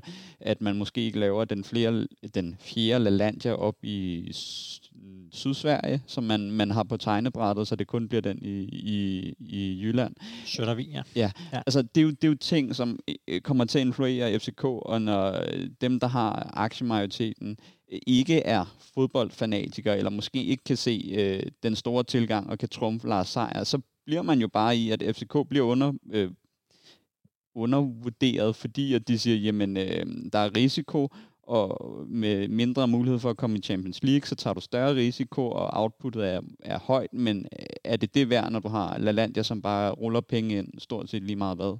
Det er... Så hvis man ikke er interesseret i det, er det lidt et problem. Set udefra, Gisle, hvad, hvad, hvad tror du, man gør? Ja, det er, jo, det, er jo, det er jo den her økonomi, den, den, den kommer jo til at spille en, en så kæmpe rolle, fordi man kan jo heller ikke bare skrue ned, og så sige, jamen, så sparer vi. Så det, det er sjældent, at du kan spare dig til succes i fodbold, og det er jo, det er jo, det er jo der, at man står. Men, men omvendt kan du sige, jeg kan da godt forstå, hvis der, hvis der er nogle ejere, der ikke har så meget forstand på fodbold, der siger, jamen, vi kan se, at vi bruger så mange penge, vi kan læse, at Midtjylland bruger væsentligt eller lidt mindre i hvert fald. Noget mindre, ja. Noget mindre. Øhm, hvordan kan det være, at de godt kan, når vi ikke kan? Altså, det er jo det, er jo det spørgsmål, der, der vil komme. Og så sige, men hvad, hvad, hvad svarer man til det? Altså, hvad, hvad er det, der gør lige nu, at, at Midtjylland kan komme i Champions League, og også gør det så godt i Superligaen? Altså, det, det er jo velkendt det her med, med de seneste seks sæsoner, øh, tre mesterskaber, hver et pointsnit, der er nærmest identisk, tror jeg nu her, når du har taget, jeg tror, FCK er tre point foran. Øhm, totalt set, hvis du tager den her sæson med, så er de seks seneste. Uh, det viser, okay, Midtjylland har, har indhentet FCK nationalt. Så er der det her, man, man altid kunne sige, jamen vi præsterer også i Europa. Det kan du, det kan du jo ikke sige med, med samme kraft nu her i forhold Ej, det til, Midtjylland. Så øh, på lidt kort sigt, transfervinduet lukker på mandag. Øh, Ståle siger, at der ikke er nogen penge til at købe spillere. Tror I, der sker noget alligevel? Det har han jo sagt før. Altså det der, så, altså, jeg, jeg synes tit, det kribler i fingrene på de her sportsdirektører og trænere øh, på, på de sidste dage, men, men det handler vel meget om, der jeg ved godt, hvad de kommer til at sige, hvis de køber en, så er det jo en mulighed, der pludselig opstår. Øhm, men, men, men det er jo ikke nu her, altså det er det, du skal ramme en spiller, som egentlig måske er for god til at, eller ikke for god, men, men har et for højt niveau i forhold til, hvad man normalt kan hente, der er havnet i en lidt mærkelig situation i sin klub, som Ankersen, øhm, hvor, hvor Genua lige pludselig henter en, en bak, og han godt kan sige, at han ikke skal spille. Det er jo det, du skal ind og lure på. Er der en mulighed for, at vi kan lave et eller andet der? Tror du, det sker, Samuel? Øh, jeg tror, at øh, hvis der kommer noget, så bliver det en kant med fart, øh, og, øh, og præmissen på det bliver nok, at, øh, at man måske øh, ikke økonomisk binder sig øh, så hårdt. Så det kunne være eksempel noget, hvor at man, øh, man tager en spiller og har en lejeaftale med en købsauktion, øh, eller noget i den dur, hvor man godt ved, at, at fordi man kan ikke nu, altså, altså øh, havde man hentet en Pione Sisto, og så stod i den situation nu, så vil det være kæmpe krise, fordi så er man overskrider man et lønbudget og et transferbudget og endnu mere minus. Så det skal være noget med, hvor at der er en, der kan se et potentiale til måske at udvikle sig i FCK. Men øh, det her potentiale til at udvikle sig, når vi nu crasher ud af Europa League-kvalifikationen, hvordan sælger man det til en eller anden spiller, der sidder et eller andet sted, måske i Sydeuropa, hvor økonomien nogle steder, gætter jeg på, er endnu dårligere stillet, end den er her hos os. Hvordan pokker sælger man, øh, hey, et point i tre Superliga-kampe, ikke noget i Europa, vi har et stort stadion uden tilskuer, øh, for øvrigt, der har mørkt hele vinteren, har du ikke lyst til at komme til København? Jamen det, det er jo svært, og så sidder vi her igen og skal prøve at finde en eller anden spiller, som er i en mærkelig situation, og hvorfor er vedkommende ind i en mærkelig situation, og så skal vi have den i gang igen. Eller vi skal købe et talent, som skal samle sammen i den her pakke, og vi står endnu en gang med en ny spiller, som vi håber på noget til. Og problemet er, at vi, vi står med en af de dyreste trupper, vi nogensinde har haft. Altså, det er jo ikke fordi, der ikke har været investeret. Man kan jo læse i budgettet af de sidste to år, der har vi væsentligt højere afskrivninger og lønninger, end vi har haft i de foregående år. Men vi sidder, men man har jo lyst til at spille football manager og lave væsentligt om på det her hold. Øh, og, men jeg ved ikke rigtig, hvad vi skal gøre. Det, det er en meget sjov trup, vi har, der ikke rigtig passer sammen. Vi er rigtig mange, der er omkring 20 år, vi er rigtig mange, der er omkring 30 år. Vi er ikke så mange øh, spillere øh, i deres bedste fodboldalder.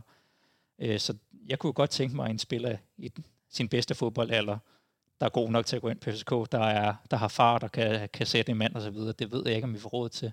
Jeg tror, vi sidder her på mandag i vores øh, lange aften øh, transferudsendelse og snakker mere om de spillere, der er på vej ud, end dem, der er på vej ind. Jeg skulle sige, sidder en lang aften med lang næse, øh, så, og så når vi jo til skæringspunktet. Skal vi skifte ud i den sportslige ledelse, Gisle, for at komme ud af det her moras, som har bygget op over de sidste to-tre år, som nu er kulmineret med den her du, nu, nu, skandale nu, nu, nu siger du den sportslige ledelse, det, du kunne bare have sagt Solbakken. Det, ja, det kan jeg også godt sige, det, men, det, jeg, det, men jeg mener, hvis vi først begynder at skifte ud nu, så, så tror jeg, det bliver en, en, en større omgang. Jo, jo, men, men det er også der, hvor man skal lave analysen og sige, hvem er det, der skal træffe den beslutning? Det er jo bestyrelsen. Fordi Ståle, altså du kan sige, da, da Jakobs han røg, der var det jo der var det Hørsoldt, der, der i hvert fald stod som afsender på, på den fyreseddel øh, som, som direktør. Ståle refererer til bestyrelsen og siger, hvem i bestyrelsen er det, der skal træffe den beslutning for det første. Man kan godt tale lidt om, hvor mange har den der, hvad kan man sige, fodboldindsigt, og hvor længe har de mennesker, der eventuelt måtte have fodboldindsigten, været i bestyrelsen. Øhm, og hvor vigtig er deres stemme. Øhm, to, at sige, hvis, hvis du erstatter Ståle, øhm, så skal du også have planen for, okay, hvad gør vi så herfra? Øh, det er jo ikke bare at sige, okay, kan, kan du finde en, du bare kan sætte en, en, en for en? Det, det kan du jo ikke umiddelbart. Altså det vil sige, så skal du også ud og kigge på en helt anden struktur, en sportsdirektør og alle de her ting. Og så er det jo lidt, at du, du river op i, i det, som, som er blevet bygget op. Og det kan måske være fornuftigt, men, men det er bare en, øh, det er en bombe, som du detonerer ud på, på Frederiksberg på træningsanlægget. Er det nogle gange, jeg tænker sådan rent strategisk, at det er sådan lidt ligesom hvis, øh, hvis du både skal flytte, og øh, du gerne vil stoppe med at ryge, og din kæreste de har slået op med dig. Altså, hvor mange ting kan du gøre på én gang? At, Ja. at, at, man siger som regel, at du skal helst lave ting om, når det går godt. Ja. Altså, som, det var altså ikke en god beslutning, men som i, i sommeren 11, hvor Ståle tog ud i den store verden, og så fik vi Roland Nielsen ind. Øh, det der med, at du altså, stop på toppen med noget, men du skal, når du er på bunden og begynder at lave meget om, det, det er en bombe, som kan sige, det er farligt. Tror du, tror du de, kunne, de kunne finde på at lave nogle sådan større strategiske ændringer nu? Øh, øh, ja og nej. Øh, jeg tror øh, ikke, Ståle bliver fyret. Øh, og det øh, sker i den her præmis af, at øh, klubben i sig selv og bestyrelsen er øh, rigtig professionel, især Bo Røgaard, øh, meget, meget kompetent mand. Og han ved jo godt, at øh, kontinuitet og, og forhastede øh, beslutninger, det er ikke noget, som, som hænger sammen. Så når Ståle ryger, øh, som han gør på et eller andet tidspunkt, når han stopper, så er det fordi, at man har en afløser klar i baggrunden. Fordi ellers så at, vil det her bare være at skyde mere hul i det, fordi at så kommer der en ind, som måske ikke er første valg eller første prioritet, og så bliver det. Men det, jeg tror, der kan ske, det er, at Ståle øh, bliver fjernet mere for det organisatoriske og øh, managerrollen. Fordi det der, jeg ser, der skal ske ændringer. Det er, at man har en mand, som som har så meget ansvar og så mange roller i en så stor virksomhed, at, øh, at jeg nogle gange tror, at det kan gøre hæmme ham i det mere taktiske og det træningsmæssige, fordi øh, en dag for ham er jo at stå op, og så skal han holde øje med transfers, og hvem er det, der forsvinder, og hvad kunne være ledet på markedet, og hvad med forlængelse af kontrakter, og så er der træning, og så kommer han hjem, og så skal han jo også sidde og lede og holde øje og holde styr på ting og være oppe sent. Der kunne jeg godt tænke mig, at man, øh, man hentede en ordentlig kapacitet som en øh, sportsdirektør. Det tror jeg jo bare ikke kom. Det, det, jeg kan bare ikke se det ske. Nej, nej. Det, det vil jo en kæmpe degradering af Ståle, uanset hvordan du fremlægger det. Det er jo det samme som at sige, du har, han er jo administrerende direktør for fodboldholdet. Ja. Det er jo det, han reelt er. Og så sige, okay, nu, nu, nu skal vi lige også have en anden direktør. Nu, nu kan du være sådan lidt sideordnet underdirektør. Øhm, hvordan tager man den? Jamen, altså, jeg tror ikke, han vil det, men det er bare en ting, hvor jeg siger, jeg synes godt nok, at vi har ansat en mand, med for bredt et ansvar. Du har, du har givet ham alt magt. Ja. Det, det er jo det, du har, du har valgt at gøre. Vi, vi synes, den her mand han er så dygtig, og han har vist, at han kan sælge spillere, i det mindste i hvert fald. Han kan kvalificere holdet, for det meste, til europæiske gruppespil. Det, det, det har været en sund fodboldforretning, kan du sige, isoleret set, man har, man har kørt, og det er vel det, som, som øh, de, de mindre fodboldkyndige folk i bestyrelsen, der, der, der går lidt mere op i afkastet, øh, sidder og kigger på. Øh, men problemet er jo så netop, når det så ikke fungerer, så kan man sige, hvad gør du ved den her struktur? Men er det ikke nemt at skyde på nu, hvor det går dårligt, Jonas? Fordi så længe det gik godt med Ståle som manager, så havde vi jo hånden over hovedet og drak øh, mesterskabsdåseøl over i, i fældeparken, og ui, hvor det gik, og vi slog Brøndby 3-2, og 30 minutters øh, super lækker mesterskabs derby og jeg ved ikke hvad, og vi, vi sejlede derud af. Men nu går det dårligt, og så vil vi leve om i organisationen og så videre. Er, er det for nemt købt? Jamen, jeg forstår godt, at mange af vores kære medfans, de, de er fristet af at prøve at skifte træner og få en mere moderne, frisk spillestil ind med noget atletisk moderne fodbold. Men det, det, det er bare sjældent, det virker over tid, og det efterlader jo et kæmpe krater.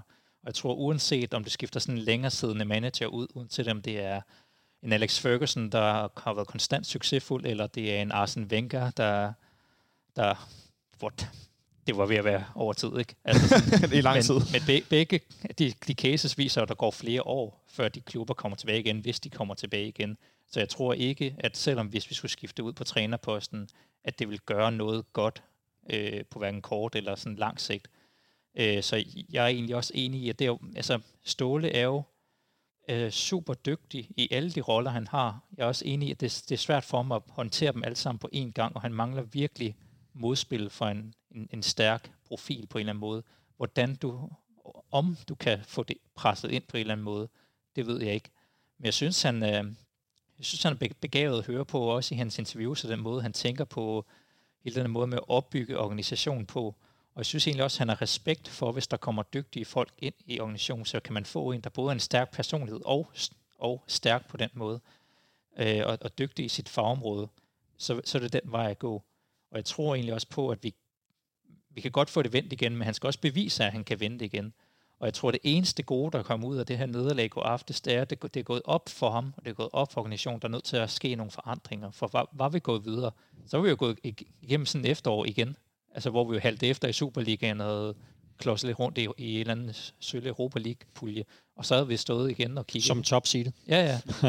altså, jeg tror, ja, jeg som tror nu der er rent faktisk sådan et, et blow i organisationen, der kan skabe noget forretning, forandring forhåbentlig til det gode. Fordi vi er i en situation, hvor der nu kun er, ja undskyld mig, men fuck pokalturneringen. Der er kun én ting lige nu, det handler om Superligaen, og det handler om at vinde så mange kampe som muligt. Ja, jeg vil jo bare tilføje det med Ståle, at det vi snakker om risiko med transfer, øh, den risiko tager han jo også selv ved at gøre sig til enehersker over klubben, øh, både som, ja, som manager for det hele. Og det betyder jo også, at han ved jo godt, at hvis han ikke øh, forsvinder på klubben, øh, for klubben på sådan den der øh, kalkulerede, man kalder, jeg stopper om et halvt år, og man får indarbejdet alle tingene, så står vi jo måske med et endnu større problem, fordi at da han smuttede sidste gang, hvor man lavede det som en proces, der var det Ståle træner, der smuttede, som havde været her og skabt en masse resultater. Nu har vi manager Ståle, og vi har øh, Frederik Let, jo, øh, hvad jeg hører, absurd skarp og klog, men han er meget ung, og vi har Lange, som har været her i klubben i 100 år væk. Brian Rimer var her i klubben 100 år væk nu. Øh, forsvinder Ståle, så, øh, altså, så skal der godt nok øh, repareres rigtig mange steder. Er Ståle blevet til kulturen for FC København, Gisle? Det er han jo på mange måder. Det var ham, der har, der har opbygget den. Det var også ham, der er, der er ansigtet på, på FC København. Altså det, jeg har også set, der har været noget kritik på sociale medier af, at, at der ikke er en, en, en formand, der stiller sig ud. Eller sådan. Men man kan sige, man sender jo den administrerende direktør. Det, det er jo, Ståle er fodbold i FC København. På, på, på godt og ondt. Øh, lige nu på, på ondt, men man, man har jo en tro på, at, at han har vist det før, og der taler vi om det her med kontinuitet, og, og, og det er jo også rigtig, rigtig godt hvis du er overbevist om, at det stadig er den rigtige mand, der står for, for den kontinuitet. Der var en historie om i går, at, øh, at øh, bestyrelsen i FC København, eller ledelsen, ikke ville tale med, med pressen i går. Jeg hørte så faktisk, at det kom at de blev ikke rigtig sport, så de havde lidt svært ved at stille op. Men øh, Brygger har som sagt udtalt i dag, at, at han har nærmest ikke, undskyld, Bo, jeg tror ikke, du lytter med, men øh, han har nærmest ikke sagt noget. Øh, dog så siger han noget, der får mig alligevel til at tænke, at man måske vil, vil investere i en transfervindue, der lukker på mandag formuleringen lyder lidt i stil med, at man vil gøre, hvad man kan for at have den bedst mulige trup øh, efter transfervinduet lukker. Der kan du lave, lave ikke-testen på den. Altså, det, det, det er jo sådan, ja.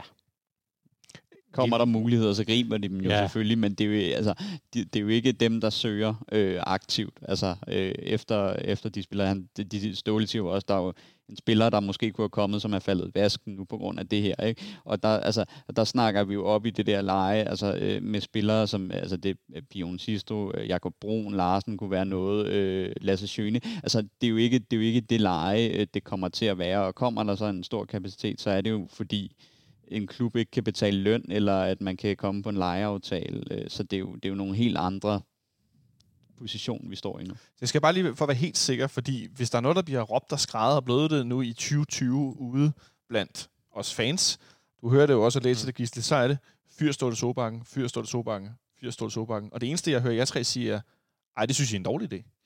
Jamen, jeg vil ikke sige, at man siger en dårlig idé, men, men det er jo bare, det er jo en ting at sige fyr Ståle Solbakken, men, men hvad er alternativet? Det, det er bare det, jeg savner. Og også konsekvensen af det at sige, men hvis du fyrer Ståle Solbakken, er det jo, er jo også en fyresæde til, til hele den måde, man har bygget FC København op på. Det er jo bare det, man skal være bevidst omkring. Når man, det, er jo, det er jo meget let at skrive fyr Ståle Solbakken, men, men det er bare ikke så enkelt i, i det her tilfælde. Det, var, det har været lidt lettere med andre trænere andre steder, hvor du siger, okay, så er det en en til en. Vi finder en ny træner, vi har stadigvæk en, en sportsdirektør, vi har stadigvæk en, en direktør, der står for noget andet, og, og altså, vi har stadig det her setup nogenlunde. Hvis du fyrer Ståle Solbakken, så, så, er det, så er det en, på alle måder en helt ny tid, man går ind i. Ja. Der bliver nikket her over på den anden side, selvom uh, der de også lidt nervøs ud, når Gisle ser ja. det. det kan jeg godt forstå. Jeg bliver også lidt, uh, jeg bliver lidt loren ved tanken, kan jeg godt afsløre, uh, når man nu har karismatiske, stærke ledere, som også fucker op i perioder. Så, uh, så tanken om, at uh, jeg skulle starte helt forfra midt i, i et race med Midtjylland, der kører derude. Du markerer, Jonas? Jamen, jeg vil bare sige, at selvfølgelig skal vi også, vi skal jo virkelig kritisere Ståle Sobang, fordi han er jo den, der står med det overordnede ansvar og gjort det over flere perioder. Der er blevet taget mange forkerte beslutninger, øh, og i, i 17-18 sæson, der blev han virkelig rost af Bo Rygaard for at have vendt skuden på en eller anden måde og komme tilbage og lave et mesterskab. Og nu der får han jo også lidt ros, hører jeg det, for at nå, så, det går ikke med skaderne, så vi laver om lynhurtigt i, den, i sundhedssektoren. Vi kigger på ting, vi kan gøre osv. Han, han er ikke bange for at smide en spiller væk, som, som ikke fungerer. Men det er alligevel ham, der står med det overordnede ansvar, og ham, der har skabt de her problemer til at starte med. Så han er, han er jo lidt sådan en managerversion af, af George Okora. Altså, altså skal, skal, man ro, skal man rose en glidende takling, når det var ham, der ligesom smed bolden væk til at starte med? Øhm, det, det, ved jeg ikke, så jeg synes, vi skal rette altså, kritikken på ham og holde pres på ham, men jeg synes heller ikke, vi skal fyre ham. Ja, altså er, er problemet jo også bare, at han har bragt sig en situation, at, at, at, at, at han, han, han står ligesom med to primære kritikpunkter. Fordi kunne du ligesom være træner, så kunne du isolere det til, øh, du får ikke holdet til at spille ordentligt, men når man så også kigger på transfermarkedet, øh, altså Kalle Jonsson og Victor Nielsen, det er øh, to af få træfskud i, i, i et meget mudret hvor at du kan sige, Kalle, der får du øh, det, du får, og endda mere til, og Victor Nielsen, der får du, øh, uanset hvad, om han ryger nu eller til næste år, så får du et overskud, og, øh, som, som giver til den case, der er. Men resten af det er noget, hvor at han også skal stå på mål for det, og så er det bare en, en dobbelt ting, ikke? Og så er det jo det med, at, at fyre ham du det ene sted, så fyrer du ham selvfølgelig nok også det andet sted, så det er jo sådan lidt, at han skal stå på mål på både transfer og spil, og det er, det er meget, så det er jo også derfor, det, det, når jeg siger, øh, når jeg hører folk sige fyrståle, så er det jo fordi, at holdet spiller dårligt, men det er også fordi transferen er dårligt, ikke? og så bliver det jo, altså det havde været lettere, hvis man kunne sige, Nå, men det er ham her, den sportslige leder, Johan Lange skal fyre, så,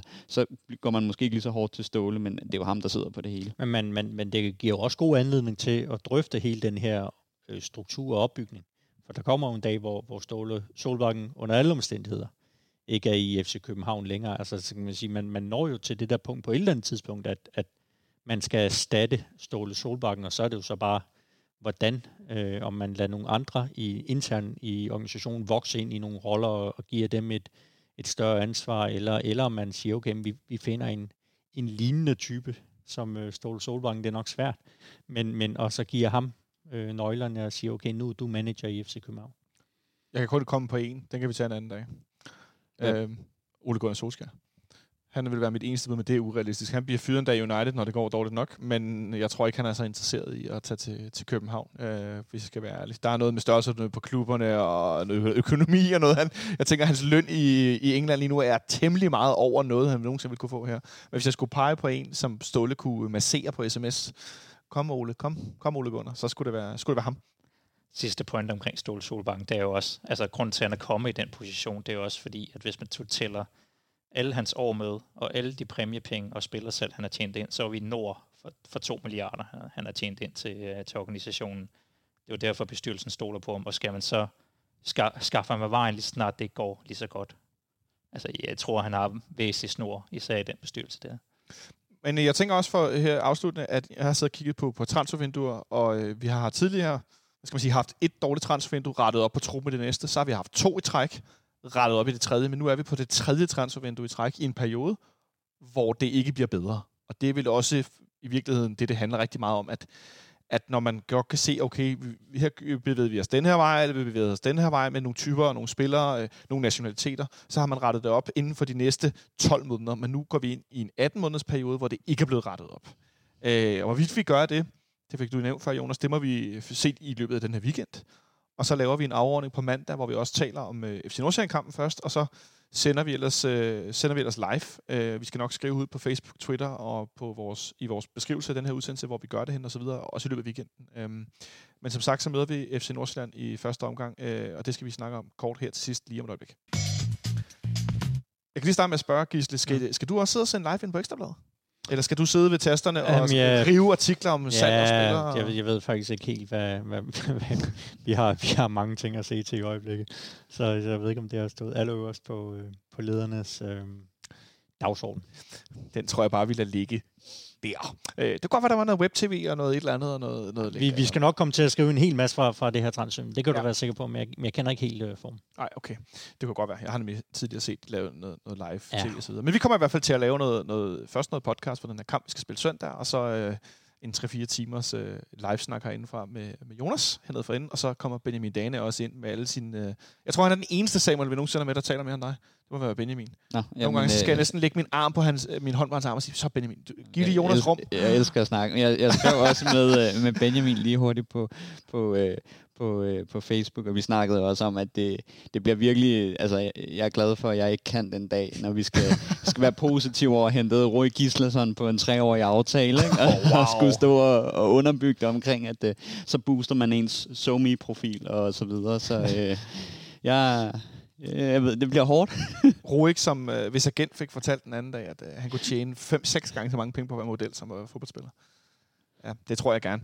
Øh, på søndag skal vi møde... Når du ser på øh, hans udseende, eller hans fodboldevner, når du siger det.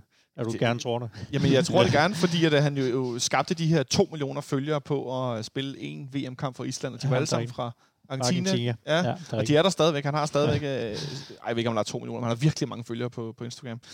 Øh, jeg ved ikke, hvor mange følgere de har i Nordsjælland. Nogle af de unge drenge deroppe. Der er ikke, ah, det kan være, at Michael Eschen har en del. Deres, øh, Ja, må ikke. Han vil, vil, jeg, jeg tror ikke, han er så aktiv på de medier. Altså, Nej. Ikke, øh, Nej, det, det slår mig ikke som en, en fyr, der, er- der har behov for det her. nej, men alle der er fra... ah, 1,4 millioner følgere på Instagram. Ja, det er okay. Men Jeg alle, tror ikke, han er så... Hvad med, hvad med Kamaldin? Ja, det er, The Eternal Fire. Men altså alle, der, har, øh, der er fra Ghana, de har virkelig en, øh, en følgerskare, øh, som er helt Ja. ekstrem. Jeg så da Kudus, han røg til Ajax. Det var jo bare øh, Ghana Soccernet øh, supporter, der var inde og skrive øh, hele tiden. øh, Kamaldin har kun 4.600. Det, det er en fejl. Endnu, Endnu. vil jeg vælge at sige. Bare fordi at, øh, han spiller for FC Nordsjælland, som vi møder, som sagt. Og han er virkelig dygtig. Jeg øh, kan stadig godt grine lidt af Flemming Pedersens øh, beskrivelse som den, den nye, den kommende Neymar. Det, det ved jeg ikke, om jeg er at få tage, Nej, men jeg tror bare, at det, det i år, men nogle gange, der, der bliver de ting også, når, når, som en mediemand, kan man sige. Bliver de Nå. blæst op? Nej, men de bliver ikke blæst Nå, op, okay. men det, det er jo sådan også nogle gange, jo, det gør de også, men fortolkningen er, jeg tror, han siger, at, at Kamaldin i den alder, på, på det tidspunkt, som 18-årig, der var det nogenlunde, han så det samme potentiale, som Neymar havde, da han var 18. Det var, det var sådan noget i, Okay. i den stil. Den er blevet forsimplet Så, øh, så jeg, rigtig tror ikke, meget. jeg tror ikke, han sagde, at, at han ender med at blive lige så god som Neymar nødvendigvis, men, men, men det var lidt af det samme, han så. Men for ligesom at runde af med ja. Det her med følgere på Instagram og så videre, inden vi begynder at tale fodbold, øh, så øh, har Rui Gislason blandt andet øh, æren, han er jo også model, ikke? for noget Glacier Gin. Øh, hans øjne er så blå, øh, blå øh, photoshoppet. Vi skal lige huske, Martin, at lægge et link med til det her billede på Instagram, så man også godt kan åbne uden at have en profil. Øh, det er nogle meget blå øjne og noget meget blå gin, og han ser meget, øh, jeg får lyst til at sige honky. Øh, han er meget mandemand på en eller anden måde, står med sin... Øh, sin øh, blå sweater og sit meget skarpe look og, og skæg, der står, øh, hvad er det, de, hvad er det Østkyst Hustlers, de rapper, som om det er målt med lineal. Han ser godt nok, øh, ja, flot fyr, den gamle Ruik. Han havde også et øh, højre ben, der kunne hugge til den. Øh, men vi skal møde de her unge drenge fra FC Nordsjælland, Jonas. Hvor nervøs er du for det lige nu? Altså et boldfast, boldfast hold, der er med hurtige raketter op foran. Hvad kan gå galt? Nej, men prøv at det er helt skidt. øh, nu så vi i går, at Bøjlesen og Bjelland øh, var på bænken, men ikke spillede. Og så vil man jo normalt tænke, Nå, men så er det fordi, de skal spille i weekenden. Men jeg kan da ikke se at spille med de to år for så hurtige offensivspillere. Det kan jeg godt, men det gør mig da endnu mere nervøs. Nu skal vi heldigvis ikke spille i farven og på pladsen, og tak for det. Men lige, som det er lige nu, så er, det, så er jeg næsten, om vi skulle spille her, eller om vi skulle spille over i Fælleparken, det er jo nærmest lige meget. Hvem vil du så Ja, i stedet for? Jamen, det er jo det, der er problemet. Spille med Ragnar, eller vil du spille med Økonomu, der går ud af kæden? I don't know. Hvem, hvem, hvem vil du spille med? Sikker, sikker Sikker. i forsvaret. Ja, jeg skulle lige til at sige det. Seks forsvarsspillere? Sikker. Sikker? I forsvaret? Jeg ved det ikke. Jeg ved det ikke. Nej, men, og, det, og det er jo det, der er det, det absurde. Vi er nået til et sted, hvor at normalt vil man, ja, vi roterer til Europa, til Superligaen og så videre, men, men hvad pokker gør vi, Samuel? Øh, jeg ved det ikke. Altså, jeg ved det virkelig ikke. Og det er det, nå, men det, er det, der er så tragisk, det er, at jeg ved det virkelig ikke. Øh, øh, som vi snakker om, øh, som jeg snakkede om til de andre optagt, at, at, at det man i hvert fald kunne være sikker på, det var, vi lukker i hvert fald en mål ind. Ikke? Og det, det, det ved vi jo bare sker. Og så ved vi mod nogen, hvor vi har et langsomt forsvar, og de har nogle, altså, nogle raketter derude. Øh, så, jamen altså, øhm, Ja, jeg ved det ikke. Jeg, jeg ved det virkelig ikke, altså, fordi jeg, jeg kan bare ikke se, øh, at man kan spille til 0, og at man ikke giver chancer væk. Og så, og så er det jo næsten uanset, hvem vi har dernede. Fordi havde vi så smidt øh, Seca derned, som måske er hurtigste mand øh, af de defensiv, så tror jeg stadig, at han smider en, øh, en, en dum bold, øh, flad bold igennem midten, som de tager en kontra på. Jeg, jeg ved, altså, jeg tror, hvis vi skal vinde, så skal det være sådan nogle øh, Brøndby-kampe mod Nordsjælland, at så scorer de fire gange, øh, og vi scorer fem eller sådan noget, før vi, jeg kan tro, at vi kommer i nærheden af et point. Hvad siger du til opgivenheden her over Gisle? Jamen, det er vel også altså, dels set i lyset af, hvad der, hvad der skete i går, og så også øh, oplevelsen af, hvad Nordsjælland et par gange har gjort i parken. Altså, der er det vel det, er vel det hold, der har gjort mest ondt på FCK, er det ikke? Det er sådan, og sådan over tid, sådan i de, der har i hvert fald været nogle sådan meget markante øh, præstationer. Der var den der, hvor, øh, hvad, hvad, hvad er vi tilbage, inden deres mesterskab, det er vel i et mesterskabssæson, hvor de, hvor de splitter FCK herinde. Nicky Øh, Bille scorer blandt andet. Ja, og så, og så kan der også huske en, en kamp, hvor Peter Ankersen ikke rigtig vidste, hvem ham, Jonathan Amon, var. Ja. Ej, der blev den kære Peter, han blev sendt ud efter pølser til helt A-tribunen. så, så, så, det er vel, altså, det jo også lidt med det der Nordsjælland-hold. Altså, hvad, hvad, hvad kommer de med? Altså, det er jo, det er måske dem, der... Ja, Midtjylland er selvfølgelig stærkere, men, men sådan, hvis, hvis de rammer deres topniveau og alle de her ting. Så, men, men så har de så også, hvis vi skal være positive, et bundniveau, som, som det kan også være den side, man ser. Er det cirka lige så dårligt som vores bundniveau lige nu? De laver i hvert fald stadigvæk øh, nogle, nogle defensive fejl derop, der gør, at, at det kan blive... Øh, det kan blive underholdende. De, de har nogenlunde samme pointsnit i, i 2020, som Ja. vi har. Så, Ja. Jeg så tror jeg, jeg så et eller andet, en, en statistik med, med Nordsjælland stort set aldrig slår et hold, der ender i top 6.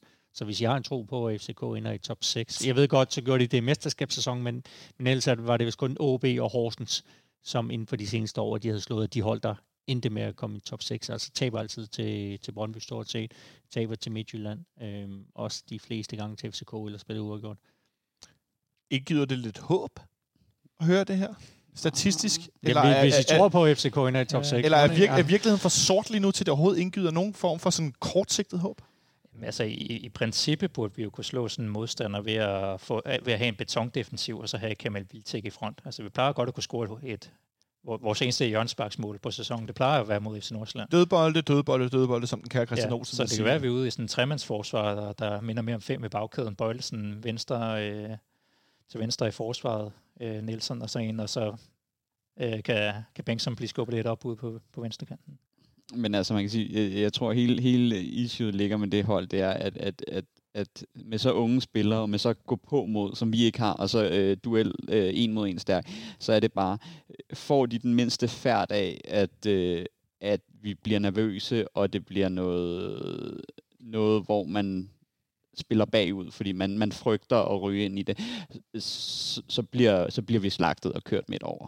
Øh, så, så det skal virkelig være et hold, der kommer og siger, at vi kommer for at spille udenom den og prøve at vise, at vi har erfaring. Fordi lige så snart, at, øh, at de kan se, at en øh, Peter Ankersen han bakker, så går de direkte på.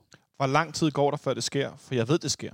Hvor mange minutter går der, før det sker? Det Samuel beskriver. Vi ser det i går, vi ser det i Vejle, vi ser det i alle kampe lige nu. Hvor lang tid går der, før det rent faktisk sker, at vi, det der usikkerhedsmoment kommer? Nordsjælland lugter blodet, og så sætter de kontrakniven ind og bliver ved med at sætte den ind. Hvor lang tid tror du, der går så på søndag? 22 minutter, siger jeg. 13 har jeg 22. lyst til at sige. Du siger 13. Ja. ja vil du også have et bud, Gisle? Det, det, det kunne godt ske i første halvleg, men det, jeg sidder vil holde mest øje med, det er det her fysiske aspekt, egentlig. Øhm, Hva- hva- I hvilken øh, kontekst? ja, men det der, at Nordsjælland, de har jo ligesom kørt lidt, lidt anderledes i år med at træne ekstremt hårdt, og det var derfor, de, de manglede lidt kræfter i de, de første kampe. De havde egentlig regnet med, at de først sådan skulle ramme et niveau efter landsholdspausen. Nu så det ud til mod Lyngby, at, at, at fysikken måske var, var endnu længere frem, end, end de havde regnet med derop. Øhm, og jeg ved ikke, om det kan blive en faktor altså med, med FCK, sen kamp torsdag, og, og alle de her ting. De når lige de her 72 timer, men kombineret med lidt mental skrøbelighed, så, så, så glæder jeg mig i hvert fald til at se, hvordan det, det udvikler sig i de sidste øh, 20-25 minutter.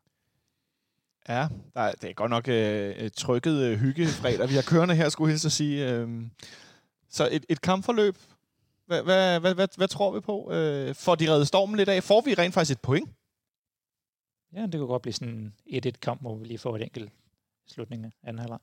Og nogle store redninger og nogle kontra, de burde have Ja. scoret på, og nogle spillere, der misser en chance med noget erfaring, får man scoret på den. Er det sådan noget, måske? Det bliver helt klassisk, at, at Ståle pacer dem til at gå ud og lægge en kæmpe indsats de første 30 minutter. Og det tror jeg måske bliver det definerende for kampen. Fordi at øh, hvis, hvis vi, vi kommer ud efter de 30 minutter med, øh, med, med gode vibes på holdet, øh, eller foran med et eller to mål, øh, så tror jeg, at vi skal vinde. Men, men har vi ikke scoret inden for de 30 minutter, så, øh, så tror jeg stille og roligt, at, øh, at kniven bliver sat ind. Så jeg tror, det er definerende, og det tror jeg også, det var i går, at havde vi scoret i vores gode periode, øh, så havde kampen set helt anderledes ud, og så øh, kunne man godt øh, kæmpe den hjem, og så at sige.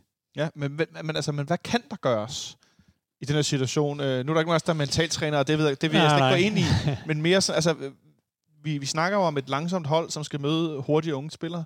Altså, hvordan, hvordan kan man slå sådan et hold, sådan som vi er nu? Øh, vi snakker om dødbold Jamen, jeg og tror, fysik og jeg- sådan noget, men Det handler jo meget om, jamen, Ja, jamen, altså Ståle han sad jo i går og sagde, at der var ikke noget, det er så komplekst, det er som kompleks, hvis der bare var en, to eller tre ting. Altså det er jo det, er jo det ligesom, at, at, at du går ind i et hus øh, som, som håndværker, og så, så finder du ud af, at du troede ikke, du skulle lave noget i kælderen. Så finder du ud af, at trappen er skæv, og, og toilettet løber. Og, og, og, og der er også et hul i taget. Altså jeg mener, hvor, hvor starter du? Det er, jo, det er jo lidt det, der er problemet. At der, vi har også siddet og talt om relationer i venstre side, og så, så det handler vel om et eller andet sted at prøve at gøre det så i går så en simpelt som overhovedet muligt, og så bruge de spillere, som du har en føling har sådan den, den, den bedste mentalitet og virker mest. Altså det, jeg vil egentlig nok bruge en del af de såkaldte rutinerede kræfter. Ja, det der, vi er, at nogle af dem, som... Nu så vi Pep Biel være ikke grædfærdig, Han hulkede faktisk på banen i går, blev trøstet af Nikolaj Bøjlesen, der kom ind på banen ud for bænken. At nogle af de unge, der er hårdt ramt, ikke om man skal sige skåne dem, så kan man omvendt sige, nej, de skal køre på, og de skal sat med pisken, og de må lære at stå igennem det her. Eller skal man, som Gisle øh, inde på, køre nogle af de rutinerede og sige, så må, nu, det, er nu, det er nu, I skal gribe scepter og æble og regere det her. Det er nu, I skal lede. Hvad, hvad er I mest til? Altså, jeg er nok mest til, at jeg tror, øh, at det er rutinen, men jeg tror, at, øh, at, at, at hvis vi skal vinde den kamp, så er det Rasmus Falk, der skal være med til at definere det, og det tror jeg er, om, om han er med, det er det, der, der kan forhøje eller øh, sænke vores chancer, fordi skal vi kreere noget offensivt, som ikke bare kommer ud af ingenting, så er det ham og kun ham, der kan det lige nu. Øh, og har vi ikke ham, og lad os sige, at vi øh, kommer, Gud forbyde, kommer bagud, øh, jeg kan ikke se, hvordan vi så skulle kunne op og altså, kreere øh, oplagte store målchancer. Jeg hører, at han har sat sikker ind i opstillingen igen. Gør du ikke det, Jon? Jo, oh, lidt. nej, nej, nej. Ej, nu, nej, nej. Nu gik skade, nu gik skade. Se, nu fik jeg falde ham skadet. Det var Stage. Stage og, og, Stage og Falk. Men han er også, han er også øh, skadet. En Stage ligner i hvert fald en, der var det i går. Hvis han heller ikke er med, så er vi jo nede, og Falk ikke med, så er vi jo tilbage til to centrale midtbanespillere. Og det er Modrasja, og det er Carlos Seca. Tror du så, for det, det tror jeg faktisk er ret realistisk, tror du, vi kører med den, Jonas, eller er vi Jonas Vind i diamanten og den her anden løsning, fordi vi godt kan se, det der med Modrasja og Sikker, det er altså noget skidt. Jamen, så er vi jo tilbage til min fem bag bagkæde. Ja. Og så har vi Sikker og Modrasja foran, der kan, så kan smide på bold mere væk uden øh, elementer risiko, når der er tre med bagved. Men hvor mange minutter er der i, i Modrasja? Det, det, det, altså, han, han ligner en spiller, der... Han er en spiller, som har gjort det klart bedst, når han kommer ind sent i kampen. Mod nogen, der er lidt træt. Ja, ja. Og, der, og det tror jeg bare, altså det, det tror jeg også, at der er nogle spillere, der er gode til det. Øh, en, en Pietro, som vi havde, var jo øh, en, en perfekt spiller at kunne smide ind. Men vi har bare, det er bare en, vi har mere normal egenskab som, som angriber. Ikke? Altså, ja. det, jeg, jeg, jeg tænker bare ja. en central midtbanespiller, der, der er bedst til at komme ind, når de andre er trætte til sidst i kampen. Det, det, det klinger ikke helt godt. Ja. Men hvis vi så ikke tør at starte ham, så, vi, så rykker vi Jonas Vind langt ved for målet igen. Og så har vi den her ene angriber, som ikke er en del af spillet, men som er god til at afslutte, når han får chancerne det meste af tiden. Og så skaber vi, altså allerede så skaber vi taktiske problemer for os selv. Ja, og så, og så møder du et af de, jeg vil ikke kalde dem taktisk bedste, men, men i hvert fald sådan, altså den måde, de tænker fodbold på i Nordsjælland, og det, uha, jeg tror, at de sidder og glæder sig til, at de skal herind og spille, og de har da trænet hele ugen på, på banen deroppe med alle mulige øh, løsninger. Så det, det glæder mig rigtig meget til at se, hvordan, hvordan det bliver løst fra, fra begge hold side. Er der nogen, der skal have noget Sanix over på venstre side, eller lykkepiller, som man kalder det på dansk, eller hvor er vi henne øh, på skalaen? Jeg tror, jeg, tror, jeg tror lige præcis, at på søndag, der tror jeg, jeg skal lave nogle skoleopgaver eller sådan noget. Det, det er næsten, Afrim fryseren. Ja, ja, et eller andet, ikke? Gør toilettet rent for anden gang. Søndag aften. Øh, Jonas, du får lov at byde for. Hvordan ender det her? Hvad sker der på søndag? Jeg tror, det bliver bestemt ikke kønt. Jeg håber, vi går lidt tilbage til nogle basics, træner fuldstændig øh, basal FCK-forsvarsspil i weekenden, og så hiver vi en stærk 1-1 hjem en stærk 1-1 på hjemmebane mod FC Nordsjælland. Et stabiliserende resultat i en periode, hvor alt ser sløjt ud. Hvad siger du, Gisle? Ja, men jeg vil sige, det er jo næsten nemmere at, at komme med de syv lottotal. Altså, du, du, du har et FCK-hold, som, ja, som, som du ikke rigtig kan regne med, og så kombinationen af et, et Nordsjælland-hold, som du heller aldrig rigtig ved, hvor du har. altså, jeg mener, den der, den der ret, det kan, det kan blive alt, men, men min, også inden jeg kørte, da jeg kørte ind, der tænkte jeg også, at en 1-1 er nok et meget safe bet. Ja, Samuel, hvor stort taber vi? Oha. Ja, op i to cifre, tror jeg. Ah, wow. det, men det er nok på skud på mål. Øh, jeg tror, jeg tror altså, øh, øh, jeg tror, vi taber 3-2. Eller 2-3 hedder det jo så. Ja. Øhm, den bliver i hvert fald ikke en 0-0-kamp.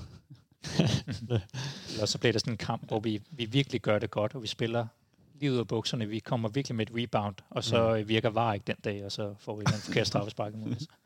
Ja, det der med VAR og strafspark, det gider jeg slet ikke tale om. Nede for enden af bordet sidder producer Martin Lorentzen. Han har lige skrevet til mig på, øh, på en besked, at vi nu har talt i to timer.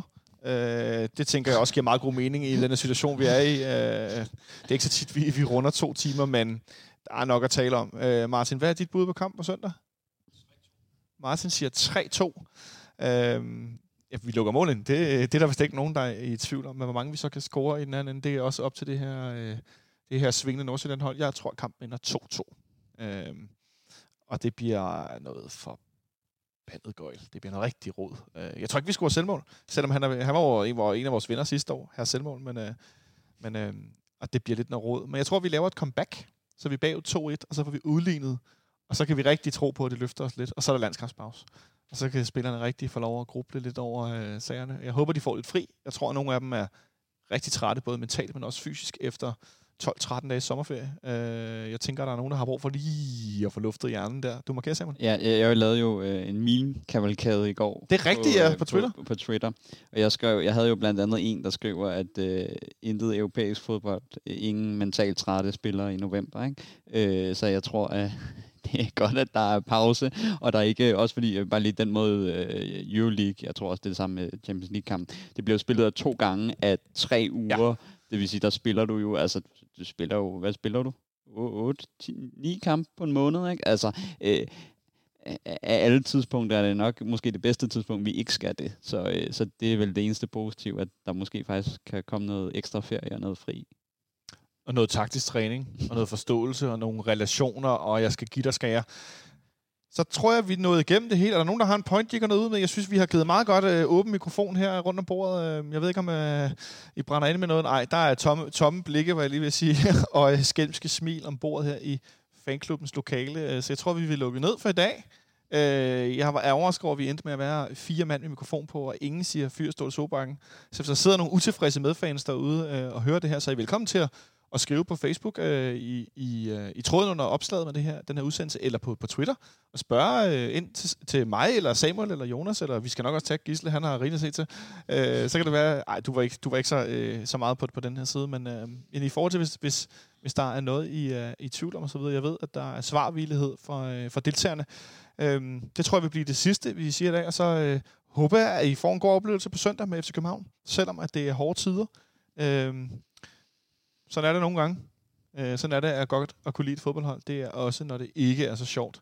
Så øh, tak fordi I lyttede med. Jeg håber, I kom hele vejen igennem. Og så øh, lyttes vi ved på, øh, på mandag, som sagt, hvor vi starter med at lave nedsagt for Nordsjælland-kampen. Og så sender vi ellers live det meste af aften. Og jeg håber, det bliver en liveoptagelse med en... Øh, en telefon ned fra den anden bygning, eller en pludselig, et pludseligt opslag, eller noget med, at de henter en eller anden spiller, som kan glæde os lidt i en tid, hvor at de andre spillere også har brug for noget ja, ja. at over, og en ny holdkammerat. Kevin Foley, eller noget Nej, helt eksotisk. Sluk Samuels mikrofon. Sluk den mikrofon, Martin. Uh, tusind tak til dig, Martin, fordi du uh, skruede på knapperne, uh, så vi fik lavet den her lange udsendelse. Og tak til, til dig, Samuel, fordi du kiggede forbi. Mr. Meme. Tak til dig, Jonas. Og tak til dig, Gisle. Velkommen. Ikke mindst. Ha' det godt uh, så længe.